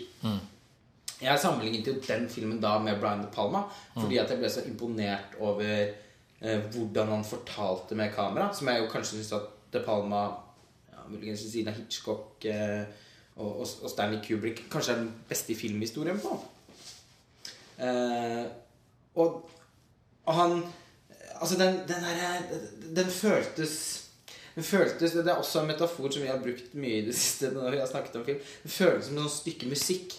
Haywire. Mm, For meg. Det var som å ja. sette på en sykt fet låt som, Som varer i 20 minutter. Og sånn proporsjonalt sett, da. Ja. Som, som er en eh, 85 minutter lang film. Ja. Og sånn føltes Side Effects. Komposisjon, på en måte. Ja. Magic Mike er en mer narrativ film igjen. Men der er jo musikk og dans og rytme så viktig for hvordan filmen oppleves. Ja. At det er jo ikke uviktig egentlig i sammenligning der heller. Slettes ikke. Men, men der, er det mer, ja, der er det mer i bildet enn Ja. bildet i seg selv. Side Effects er en slags mellomting, for den er i utgangspunktet også en narrativ film, med tanke på at den er jo en klassisk sånn twist, øh, psykologisk thriller. Mm. Men den er først og fremst drevet av stil, og, Ja. og drevet av formspråket, som bare danser av gårde. Og han fotograferer jo sine egne filmer under Ja. dette pseudonymet Peter Andrews. Og Peter Andrews blir i hvert fall en bedre fotograf for hvert Ja. eneste Og så er det noen samarbeidspartnere. ikke sant? Så er det sånn, Her jobber han med Thomas Newman som komponist, for eksempel, som er sånn vanvittig vellykket valg. Bra. Fordi han har jobbet litt med Cliff Martinez. Um... Og han uh... oh, Han som hadde Haywire. Ja, David Holmes. David Holmes. Ja, ja. Og også så på The Informant så jobbet han med han som døde nå, Marvin Hamlish. Uh, Informant også en egentlig film som må, må trekkes med i denne lekne Soderberg-fasen. Fasen før han tok pause. Så det er liksom Girlfriend Experience, Informant. Så gjorde han den dokumentaren uh, som ikke jeg har sett, den Everything Is Going Fine. Og så Contagion, Haywire, Magic Mike, Side Effects, og så Behind the Candelabra. Da. Altså det er jo, det er jo egentlig kanskje den mest sånn konsistent bra perioden i Soderbergs karriere, faktisk. Ja, og det er veldig kult at han liksom Når, han først nå går ut i en pause, så er det kult at han avslutter karrieren sin, i hvert fall foreløpig, på en så lekker måte. Og Side Effects er også en På samme måte som jeg også opplevde Haywire igjen. Da, den er, jeg opplever liksom et sånn kjærlighetsbrev til film. Eh, og noen av de, noe av det flotteste jeg kan se, er jo filmer som kan velte seg i, i litt dårlighet men på en sånn grasiøs måte. Det er derfor jeg er så utrolig svak for eh, for, for den litt sånn trash-befengte psykologiske thrilleren generelt. Det er jo egentlig det er vel kanskje min favorittsjanger, da. De Palma, Polanski De Palma Polanski. Og til og med hvis vi skal dra det litt langt inn i dette surklete 80-tallet. Liker også Adrian Lyne. Altså, Kolofen har meldt seg på. ja, ikke sant? Så den, Og den forholder seg til den tradisjonen. Det var morsomt, det var du som hadde oppdaget det. At det hadde vært et intervju mellom manusforfatteren Scott Burns og Soderberg, hvor han, Scott Burns hadde sagt at inspirasjonskilden hans for denne filmen var eh, 1940-tallets eh, noir-filmer. Mens Soderberg hadde sagt nei, nei, nei, nei, nei, nei, nei. Fatal Attraction. og det er sånn hmm, jeg, vil, jo- jeg vil vel si at Soderberg er nærmest Ja. hvordan filmen er. Og jeg vil jo si at uansett hvor mye ære de prøvde å gi han mannsfatteren på pressekonferansen Flott, det, altså. Det var en veldig døll pressekonferanse i seg selv. Men, men Scott Z. Burns, eh, som også skrev 'Contagion', Uh, han har sikkert gjort en veldig god jobb for så vidt med å strukturere hele dette her. Men det er jo så innmari en Soderberg-film. Ja, ja, altså, det er sånn ja, ja. Det er noe med at han, han er- er virkelig altså, Jeg jeg vet at dette begrepet kastes i rundt omkring når vi gjør det hele tiden. Men altså, hvis det er noen som er en autør i, denne, i den generasjonen amerikanske filmskapere, og som virkelig liksom, på en eller annen merkelig måte Han kan lage filmer med alle mulige forskjellige typer mannsforfattere og i mange forskjellige sjangere og får masse penger og for lite penger og med stjerner og uten stjerner. Og, men fy faen hvor lett det er å spotte at det er en Soderberg-film. Ja. Det er, det er liksom han, han, han har faktisk i løpet av bare da, det siste øh, året basically vokst virkelig basert på det han allerede hadde. Gullpalmevinner, eh, gull, Oscar-vinner. Oscar-vinner, sikkert eh, fått noen priser i både Berlin og Venezia for diverse filmer. Altså, jeg husker ikke alt, men han, altså, han har jo meritter uten like. Men likevel så er det sånn at det er mer, det er mer å oppdage ved han som, liksom, som kunstner. Han leker seg mer her. Det er helt åpenbart at han har oppdaget nye ting. Han har inngått nye kule kunstneriske samarbeid. Liksom bare eksempel Channing Tatum. Altså det er litt humor at han har vært med i tre filmer på rad. Men det er ikke en ubetydelig type. Fordi han er også en fyr som da egentlig I hvert fall vi to tror jeg har oversett fullstendig som en slags sånn tenårings uh, Ja, ja, ja. boy wonder-dude som danset seg inn i filmhistorien i de der Step Up-filmene. Men så har han liksom sakte kommet snikende, og så er det denne typen som han nailer når han befinner seg i Soderbergs univers. Akkurat som Clooney også på en måte ble, ble George Clooney fordi han ble iscenesatt av Soderberg i Altså sånn Det er liksom ikke til å undervurdere hvordan Soderberg har, har, har vært en liksom betydningsfull um, formgiver av visse, visse av de kunstneriske samarbeidspartnerne har. Da. Ja, og nå så virker det også som at de siste filmene hans er liksom preget av sånn vanvittig overskudd. De er ikke preget av at han har noen sånne prosjekter han er nødt til å få gjennomført. Du merker det i hele filmens liksom, genetikk. Ja, Og det er eh, Genetikk, ja. Jo, men det er noe helt sånn, det er bare sånn, bare liksom sånn Han har sunket inn i alt som er den filmen. Det er kult masse med Rooney Mara her, som, som, som selvfølgelig fikk sitt gjennombrudd i Girl with a Dragon Tattoo. Og det er bare gøy å se henne i sånn Fincher og så Soderberg. Det er veldig på en måte to regissører som har mye til felles, men også masse som de ikke har til felles. Soderberg er mye mer sånn villig til å Altså, Han er jo grundig, han òg, men han er jo ikke nødvendigvis alltid så opptatt av å være sånn helt detaljorientert, superpresis. Det kan han jo ikke være når han lager så- filmene så fort. I ikke. Men det er kult å tenke på hvordan hun fremstår i Girl with a Dragon Tattoo og her. Altså sånn liksom Ja, altså Fra å være kjæresten som dumper Mark Zuckerberg i The Social Ja. Network, som var mitt første møte med Rooney Mara, Ja, nei, det var mitt også. eh, og, og ble veldig Altså Man ble veldig liksom Man festet seg ved henne allerede der. Ja. Erika Albright. er det Ja. Eh, og så ble, det, ble hun castet uh, som Lisbeth Solander og gjorde en helt fantastisk innsats i den filmen. Som jeg fortsatt hardnakket mener at det er en helt strålende film. Se den mange ganger. Jeg har hatt så stor glede av å se den uh, i, i forbindelse med masteroppgaven min. Så har jeg sett den som jeg er ferdig med. Men så ble det jo til at jeg så den ganske mange ganger. Og den holder seg altså så godt. Jeg føler at det var en, Den fikk jo faktisk veldig god mottakelse når den kom. Og så hadde den fått en veldig sånn motbølge etterpå. Og så vil jeg bare si at det er feil. For meg, i hvert fall. Jeg synes den er helt Og, og av at jeg har fått såpass nært forhold til den filmen, så har jeg også liksom virkelig holdt liksom eh, Ja, jeg har, jeg, har veldig, jeg har veldig tro på Rooney Mara, da, og hva hun kan bli for, for noe. Og det var en stor glede å, å se henne i Side Effects, fordi at jeg syns at hun rett og slett var helt elektrisk. Tror du mange kommer til å, etter å ha sett Side Effects, få veldig lyst til å oppdage den forrige filmen hennes? Den Girl with the Dragon Tattoo som man ikke har hørt Det var hørt så mye om. det jeg ville ja, fortelle. For det. Side Effects blir jo Men Forståelig nok en litt mindre film, Jeg har inntrykk av at mange ikke har sett The Girl with the Dragon Tattoo. Men det er vel ingen tvil om at Rooney Mara er basically et av innsatspunktene. Hun har jo i løpet av da et år med den filmen rukket å bli en gjenkjennelig skuespiller som folk får lyst til å se en film til. da Så hun er jo med og driver Side Effects som stjerne. Jeg vil jo si at Hun er en større attraksjon enn Jude Law. Og Jude Law har jo en vel så stor rolle i filmen. Han har jo faktisk hovedrollen. Ja. Det som er morsomt, er at på samme måte Brian De Palma sine filmer er ofte delt i to. At man har to forskjellige hovedkarakterer. Man har først en hovedkarakter, og så blir det en til. Det er jo igjen inspirert av Psycho.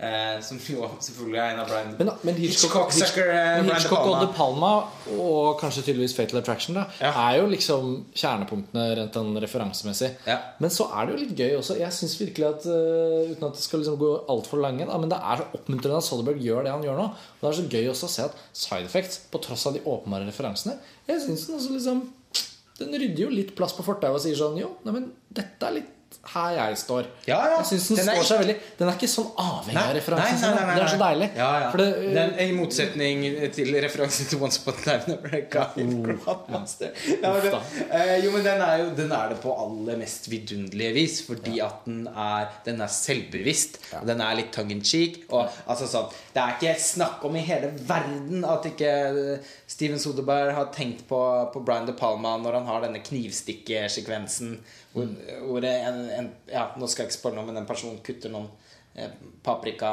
En rød paprika. Og det er sånn blir jo helt satt ut av glede, da, når det kommer noe sånt.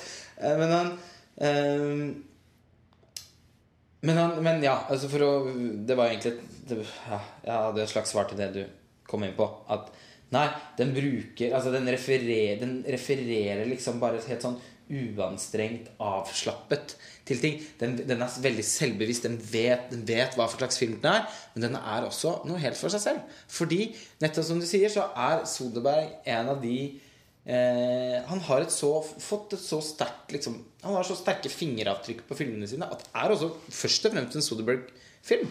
Eh, men som leker veldig eh, florlett og, og kult da med denne litt sånn trashy eh, psykologiske thrilleren som var mer populær på, på, på 70- og kanskje særlig 80-tallet. Og, eh, og, og, og Men de gode filmene i den sjangeren De er jo de som da også ikke klarer å være teite, liksom. Fordi jeg tror Mange liker sånn teite filmer. Men de filmene vi har nevnt også som han refererer til, er jo aldri teite. Han er smart. Og manuset da nok en gang, for å gi han litt honnør, da, så for ikke tulle han bort, så er det jo liksom ingen tvil om at Scott Burns. den er veldig Det er en veldig velskapt eh, Et velskapt mysterium Ja, på sett og vis. Altså den det det. måten liksom tematikk og sidespor brukes til å skyggelegge ting underveis. Og det er liksom sånn Det er egentlig bare en sånn herlig greie å være med på. Og når den da er fortalt på en måte som gjør at man ikke føler seg dum Man føler seg ikke liksom Sjangerens Sjangerens tilhørighet til litt sånn Til det litt dårlige. Eh, blir liksom aldri Det tar aldri over for at du føler at du er i gode hender. da Nei, det, er det er aldri hender. noe problem å være dårlig hvis du er det på en bra måte. Ja. Og denne er, når den er dårlig, så er den dårlig på en veldig, veldig bra måte. Og så er den Altså, komponert, som vi snakket om tidligere. Ja, sånn, du føler når alt er over, så er det sånn mm, Og det er en, den, den er intelligent fortalt fordi at den eh, faktisk også klarer å holde oss for narr. Eh, når den, det, kommer en twist i filmen, eh, og når den kommer, så er det Man, man ser den Man ser ikke hva det er for noe. Eh, Den, den og- føyer seg i hvert fall ikke til en sånn type sånn med caps lock sånn dette er en film med en overraskende Nei, nei. Ikke sant? Det er, det er ikke, det, det er ikke. Og det er ikke uh, Og den- uh, ja, også, Og, når, den da, og når de, da, de vendingene som kommer, snur filmen litt opp ned altså det, blir en film som først handler om noe, og så handler den litt om noe annet, og så handler den om noe helt annet til slutt. Det er gjort, det er liksom sjonglert på en med veldig sånn fingerspitzgefühl. Og, og jeg er veldig fan av måten altså, sånn, Det ligger jo også i måten manuset da egentlig er strukturert på. Det var der jeg trakk denne referansen til både De Palma, særlig hans filmer i 'Dress to Kill' og, og, og 'Fan Fatal'. Um, i og for seg Sisters også. Og tilbake til Hitchcock Psycho, da, med denne eh, todelingen. Altså at, at man først eh, får en veldig sterk identifikasjonsprosess med én eh, karakter. Før dette plutselig skifter underveis. Og sånn er det her. Og i første halvdelen av filmen er Rooney Mara hovedkarakter. Og så blir det Jude Law, vil jeg si. Eh, og den delen som Rooney Mara er mest til stede da, i den første halvdelen eh, Jeg syns ingen av Jeg synes hele filmen er på en måte like bra. Det, men jeg må si at det var et veldig Jeg kom jo så vidt inn på det i stad, men jeg, jeg ble veldig imponert av henne. Jeg syns hun har noe et eller annet veldig voldsomt med seg, syns jeg. Helt elektrisk tilstedeværelse. Kjempeemosjonell, men på en, aldri på en pinlig måte. Eh, hun er rett og slett litt fantastisk. Hadde, hun hatt hovedrollen gjennom hele filmen, så syns jeg virkelig at hun burde ha vært en kjempesterk kandidat til å vinne prisen for beste skuespillerinne i Berlin. Jeg tror aldri hun ville fått den uansett, fordi vil, jo, når du, Berlin, Berlinalen er jo kjent for å heller gi det til en aserbajdsjansk film eller noe sånt. Men, men en, eh, Eller en søramerikansk film, som det var nå. Men, eh, men Rooney Mara er, er så bra. Ja, hun er super. Nei, så Side Effects, og den kommer jo på kino i Norge. Eh, Jeg husker ikke helt når, men jeg tror det er ganske snart. Eh, Og det er jo bare å glede seg til. Det er på en måte så enkelt som det. Nå fikk jeg lyst til å sjekke om vi kan få opp den premieredagen her, bare for å ha det skutt inn. Men eh, ja, det er i hvert fall snart. Da har vi liksom kommet til eh, den siste filmen vi ble enige om å snakke om. Oppsummeringsepisoden vår fra Cannes ble også rimelig lang, og nå har vi jo snart snakket i en og en halv time. Vi får vel skrevet litt om disse filmene vi ikke har snakket om også, og eventuelt nevnt de senere, men hvis du veldig kort skulle trukket fram ett lite høydepunkt eh, av det mer ukjente slaget, da, av noe, noe kanskje lytterne våre ikke vet om engang, hva ville du trukket fram da, av det du så? Eh, da ville jeg trukket fram Det er deg to filmer, da. Eh, da ville jeg trukket fram 'Upstream Color' av Shane Carruth. Som Som er helt fantastisk. Ja, Det var jo basically et av høydepunktene ved festivalen, men den har vi jo nå avklart at vi, at vi skal skrive om, og, og kommer vi til å gjøre mer om på montasje. Ja. Så den kan vi bare etterlate som en liten teaser. Ja, Men det er jo da fra regissøren av Primer, denne indie sci-fi-filmen som har blitt en kult eh, hit blant mange. Og den andre filmen er eh, i hvert fall så langt den beste filmen jeg har sett i år. Og den har du allerede skrevet om. Mm, Ja, Eh, Frances Ha. Ja, og den, fikk jeg, og den prioriterte jeg da faktisk å se to ganger. Av ren vellyst. Fordi den er jo Den er, den er jo bare helt fantastisk. Eh, nå er jeg jo kjempestor fan av, av Woody Allen og av- Whit Stillman og mange av de filmskaperne som Noah Baumbach slekter på, og Francois Truffaut, ikke minst, eh, i denne filmen. Men likevel så syns jeg han klarer å Hvis man kan kalle dette for en slags sjanger TV-serien Girls befinner seg også i denne sjangeren. Den er litt sånn. Eh, egentlig eh, Kontemporært New York-portrett Ja. av unge, strevende litt intellektuelle mennesker. kunstnerkvinner. Ja. ja, det er jo Og så kommer Francois Truffaut litt sånn på sidelinjen Ja. med en sånn fransk avart av det. Ja. Med Duanel-filmene og Ja, ja. Nei, men det er litt den Og unge liv, unge liv som forsøker å stable seg selv på plass. Ja, og som, for, og som har problemer med å bli voksne.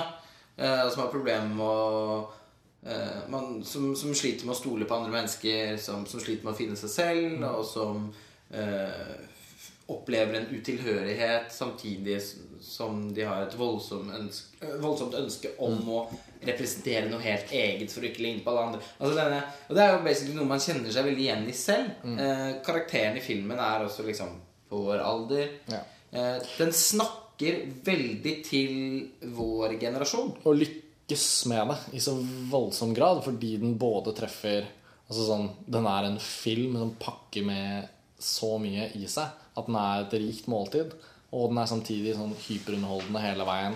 Karismatiske, sjarmerende karakterer som hele tiden er realistiske. Humor og slapstick som ikke oppstår ut fra tåpelige påfunn, men ut fra menneskelig oppførsel som er lett å kjenne seg igjen i. Alt det der sitter, da. Så det er jo Baumbachs beste film, sannsynligvis. Og, Ja, det og, og det kommer til å bli en av de aller mest høyt elskede filmene i den typen på kino i 2013. Og det, alt tilsier at den nå kommer på kino. Eh, det har ikke vært avklart inntil videre, så vi har prøvd å kjempe litt for filmen. Altså, vi har snakket om altså, Begge har sett eh, første sesong av Girls og hatt i Ja. og for seg stor glede av det. Ja. Men det er jo Og ikke til forkleinelse for Girls, for den er også noe litt eget. Altså Den introspeksjonen som Lena Dunham har der, den, den, den, finner man ikke i bakbaksfilm. Det er liksom noe litt annet igjen. Ja. Men sånn man må jo si sånn jevnt over at det er, er veldig mye av det samme. Og det er ikke noe tvil om at på sine da 86 minutter så oppleves jo Frances Ha som, som klokere og mer substansiell og, og, og mye mer seiglivet da enn denne første sesongen med Girls.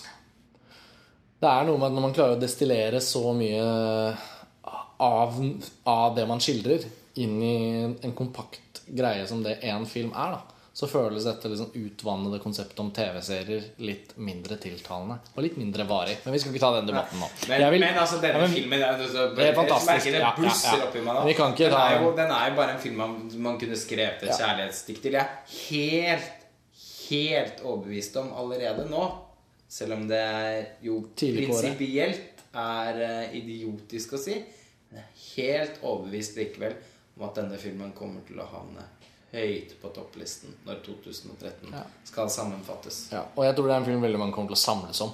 Jeg har veldig store problemer med å se noen eh, holde et langt innlegg om hvor forferdelig dårlig Frances Ha er. Det bare fins ikke en inngang til den tolkningen. Syns jeg, da, men noen må gjerne komme, Ja, komme og, og, protestere. og, sånn, og litt sånn litt, litt sånn på toppen av det hele så har også filmene helt fantastisk foto. Mm. Som eh, kanaliserer Gordon Willis sitt arbeid i Sam- ikke bare Manhattan, men også Broadway Danny Rose og noen av de andre sort-hvitt-arbeidene han gjorde. For, Det er vel Sam Levy han fotografen heter, om ikke jeg har researchet feil. Fotografen av Wendy and Lucy, som Ja. jobbet med Kelly Reichardt i sin tid. Så det er helt vi- åpenbart en lovende filmfotograf. Ja, helt eh, ekstraordinært bra arbeid. Måten han liksom har lyst Den er veldig mørk.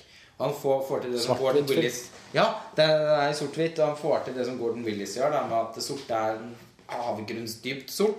Uh, og, og han lysetter noen av scenene sånn at det bare er Det er veldig få sparsommelige med lyskilder. Det kan være liksom glinsingen fra et øyeeple eller en hjørnetann liksom, i et mørkt rom. Og det blir, eller omrissene av brilleinnfatningen til venninna til Greta Gerwig. Det er så ufattelig lekkert. Ja, nei, det, er, bare det er, det er garantert ikke siste gang vi snakker om Frances Ha på, enten på Nei. Filmfrelst eller på montasje. Nei, den, eh, den skal få et Eh, eh, jeg håpet at jeg skulle få tid til å trekke fram en liten favoritt fra, fra forum. Ja, men det er klart, nå har vi kanskje brukt opp tiden. Vent litt. Det er filmfrelst, ja, så vi trenger ikke egentlig Vi kan bare snakke på hvor lenge vi vil. Nei, men vet du hva, spøk til alvor. Vi skal avslutte. Jeg vil bare trekke fram at Andrew Bujalski, som eh, var en av, eh, hvis man kan kalle det, fedrene for mumblecore-bevegelsen eh, innenfor amerikansk indiefilm de siste ti årene. Han var i forum med sin nye film 'Computer Chess', som foregår tidlig på 80-tallet og skildrer en, en liten sjakkturnering på et hotell i, på et avsidesliggende sted i Amerika, hvor eh, folk med eh, eh, datamaskiner programmert til å spille sjakk møtes til sjakkturnering. Så det er datamaskiner mot datamaskiner. Eh, veldig analog eh, verden. Også en film som er i svart-hvitt. Filmen er filmet på sånn supergamle videokameraer. Altså pre-VHS, sånn TV-video. Um, nesten ikke skarp. Utrolig slingrete uttrykk. Fire-tre jævla snåle skuespillere. Veldig, veldig, veldig veldig corny. Og ganske, ganske dødsbra. Eh, og filmen ender på en eller annen merkelig måte opp å handle om både om sjakk og om selvfølgelig vennskap og konkurransetematikk. Og litt om kunstig intelligens. Og går over i sånne abstrakte faser. Plutselig skytes det inn en fargesekvens ut av det blå. Det er drømmescener. Det er en sånn, helt sånn vanvittig leken film. Da. Og der følte jeg liksom Berlinalens forumsideprogram var liksom på sitt absolutt beste. Eh, og det var litt en kveld hvor jeg basically følte jeg måtte se en film til. Det var kvelden før jeg skulle dra. Og jeg hadde bare så lyst til å fylle på med en ekstra film. Og jeg hadde jo merket meg den, og han er jo et navn jeg kjenner til. sånn Men det var ikke noe jeg egentlig hadde gikk og gledet meg så veldig til før Berlinalen. Den hadde vært i Sundance, og det var det. Men det var en skikkelig oppdagelse. Og den kommer ikke til å være i nærheten av å bli vist i Norge på noe kino eller noen ting. Men hvis noen støter på den, Computer Chess, så kan jeg bare anbefale den. Fordi anelse- overraskende kul. Jeg har en anelse om at uh, godeste Tommy Lørdal På Oslo Internasjonal i kan november. det. Ja, vi får håpe det. Jeg mener å huske at han sa at han var veldig begeistret for det. Ja, men Det er veldig bra å høre. Og, og, og, og i en sånn oppsummeringsfase så er det jo veldig gøy å tenke at det er faktisk Det er også der hvor Upstream Color får møte Ja. publikum. Norge. ja, Men amerikanske regissører har vel egentlig vært eh, de mest fremtredende innenfor den bra delen av Berlinale. Jeg var litt mer positiv til deg når jeg oppsummerte før vi startet. Jeg synes det var en ganske bra Berlinale. Og det handler jo også litt om at jeg føler at når tiden får lov å synke inn, og allerede har den jo gjort det, så, så, så er det jo noen av filmene og, og, og bredden i det man har sett, og tematikken som har vært oppe til vurdering, så tenker jeg liksom at jo, men dette var ikke så verst. Jeg kan, jeg kan komme på mer frustrerende tilfeller av Berlinalen. Jeg minnes noen gullbjørnvinnere som, som virket mer håpløs enn den som vant i år. Vi så selvfølgelig ikke gullbjørnvinneren, for det Altså, gjør man aldri. Det er en slags tradisjon med Berlinalen. Man ender jo aldri opp med å ha sett Gullbjørnvinneren. og, jeg prøvde også veldig inderlig å få sett det man trodde kanskje var Gullbjørnvinneren. Fordi For å også avslutte på en sånn post, po- i litt positiv tone. En, en film til som vi må nevne, er den danske dokumentaren 'The Act of Killing'. Ja, Som var voldsomt bra. Men den føler jeg nesten fortjener å bli diskutert. Jeg er Ikke i nærheten til å kunne snakke ordentlig om den nå. Nei. For Bare å nevne den, så merker jeg at det bare bobler opp masse ting. Det var et av høydepunktene ved Eh, festivalen. Det var det. Men Den den, var altså få sitt eget fokus så, så kvalmende forferdelig at eh, ja, Den må nok dessverre kanskje ses igjen og, og bare Jeg vet ikke. Det er nesten så jeg føler Den hører ikke hjemme i denne sammenhengen på en eller annen måte. Men eh, som du sier, det er en tradisjon å, å ikke få sett Gullbjørn-vinneren. Og det var jo et veldig sånn rykte eh, på gata de tre siste dagene på den kasakhstanske filmen 'Harmony Lessons' lå veldig sterkt an til å vinne Gullbjørn. Og derfor eh, la jeg meg selen for å forsøke å få sett den, og den var utsolgt. Og masse merkelige omstendigheter gjorde at jeg endte med å se den filmen sammen med filmfotografen Edward Lackman, som klarte å skaffe billetter til, eh, til den visningen. Mer om det siden i en artikkel. Og den var kjempebra. Eh, veldig merkelig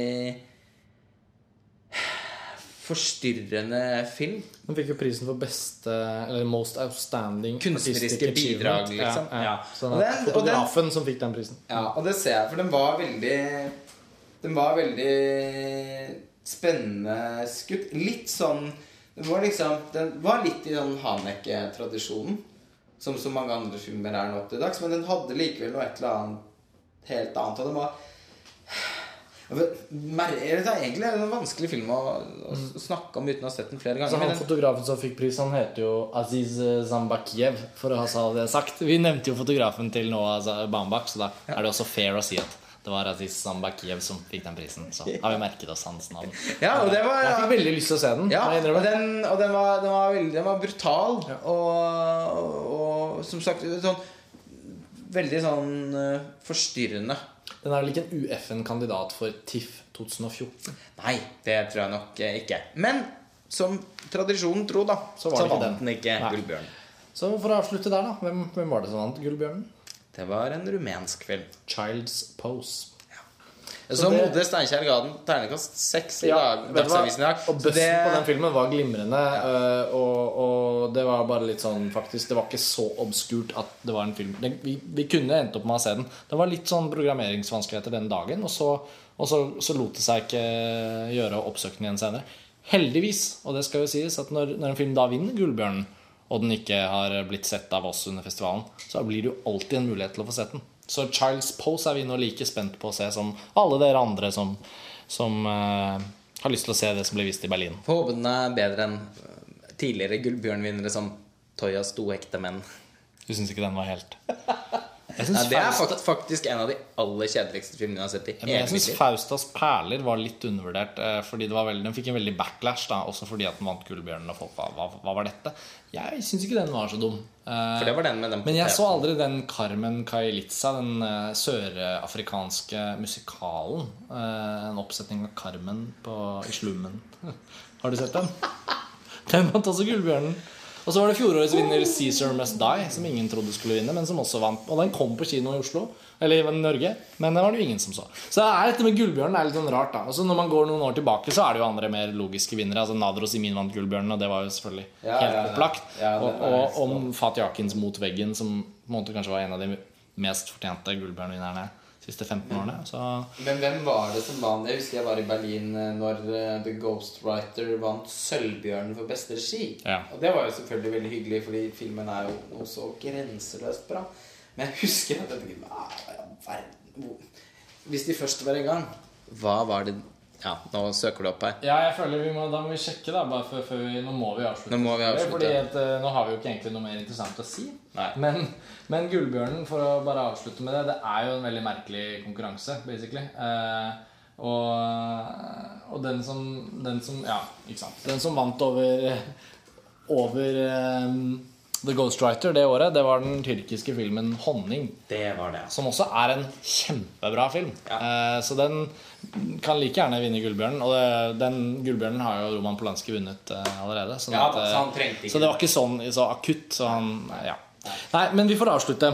Årets utgave. Jeg syns nå en gang at det var ganske ålreit. Ja. Så jeg sitter igjen med et godt inntrykk. Og det var en veldig bra festival for vår del. Sånn utover det. Ja, så ja, håpe... altså, det var en kjempe kjempe det var, ti veldig bra dager i Berlin på alle mulige måter. Og selv om filmene ikke alltid leverte, så Uansett, altså etter å ha vært Man sitter jo uansett igjen med liksom en veldig positiv opplevelse. Ja, og vi forsøkte oss også en kveld å prøve å definere et slags motsvar til hva slow cinema er. Å diskutere om det fins en, en definisjon som man kan begynne å bruke som, som vil gå under begrepet fast cinema, da, og hva dette vil innebære. Det er en gåte jeg nå avslutter med, og så skal vi se om vi kan få diskutert det mer konkret ved en senere anledning. La oss takke for i kveld. Takk for at dere har hørt på helt til nå. Ja.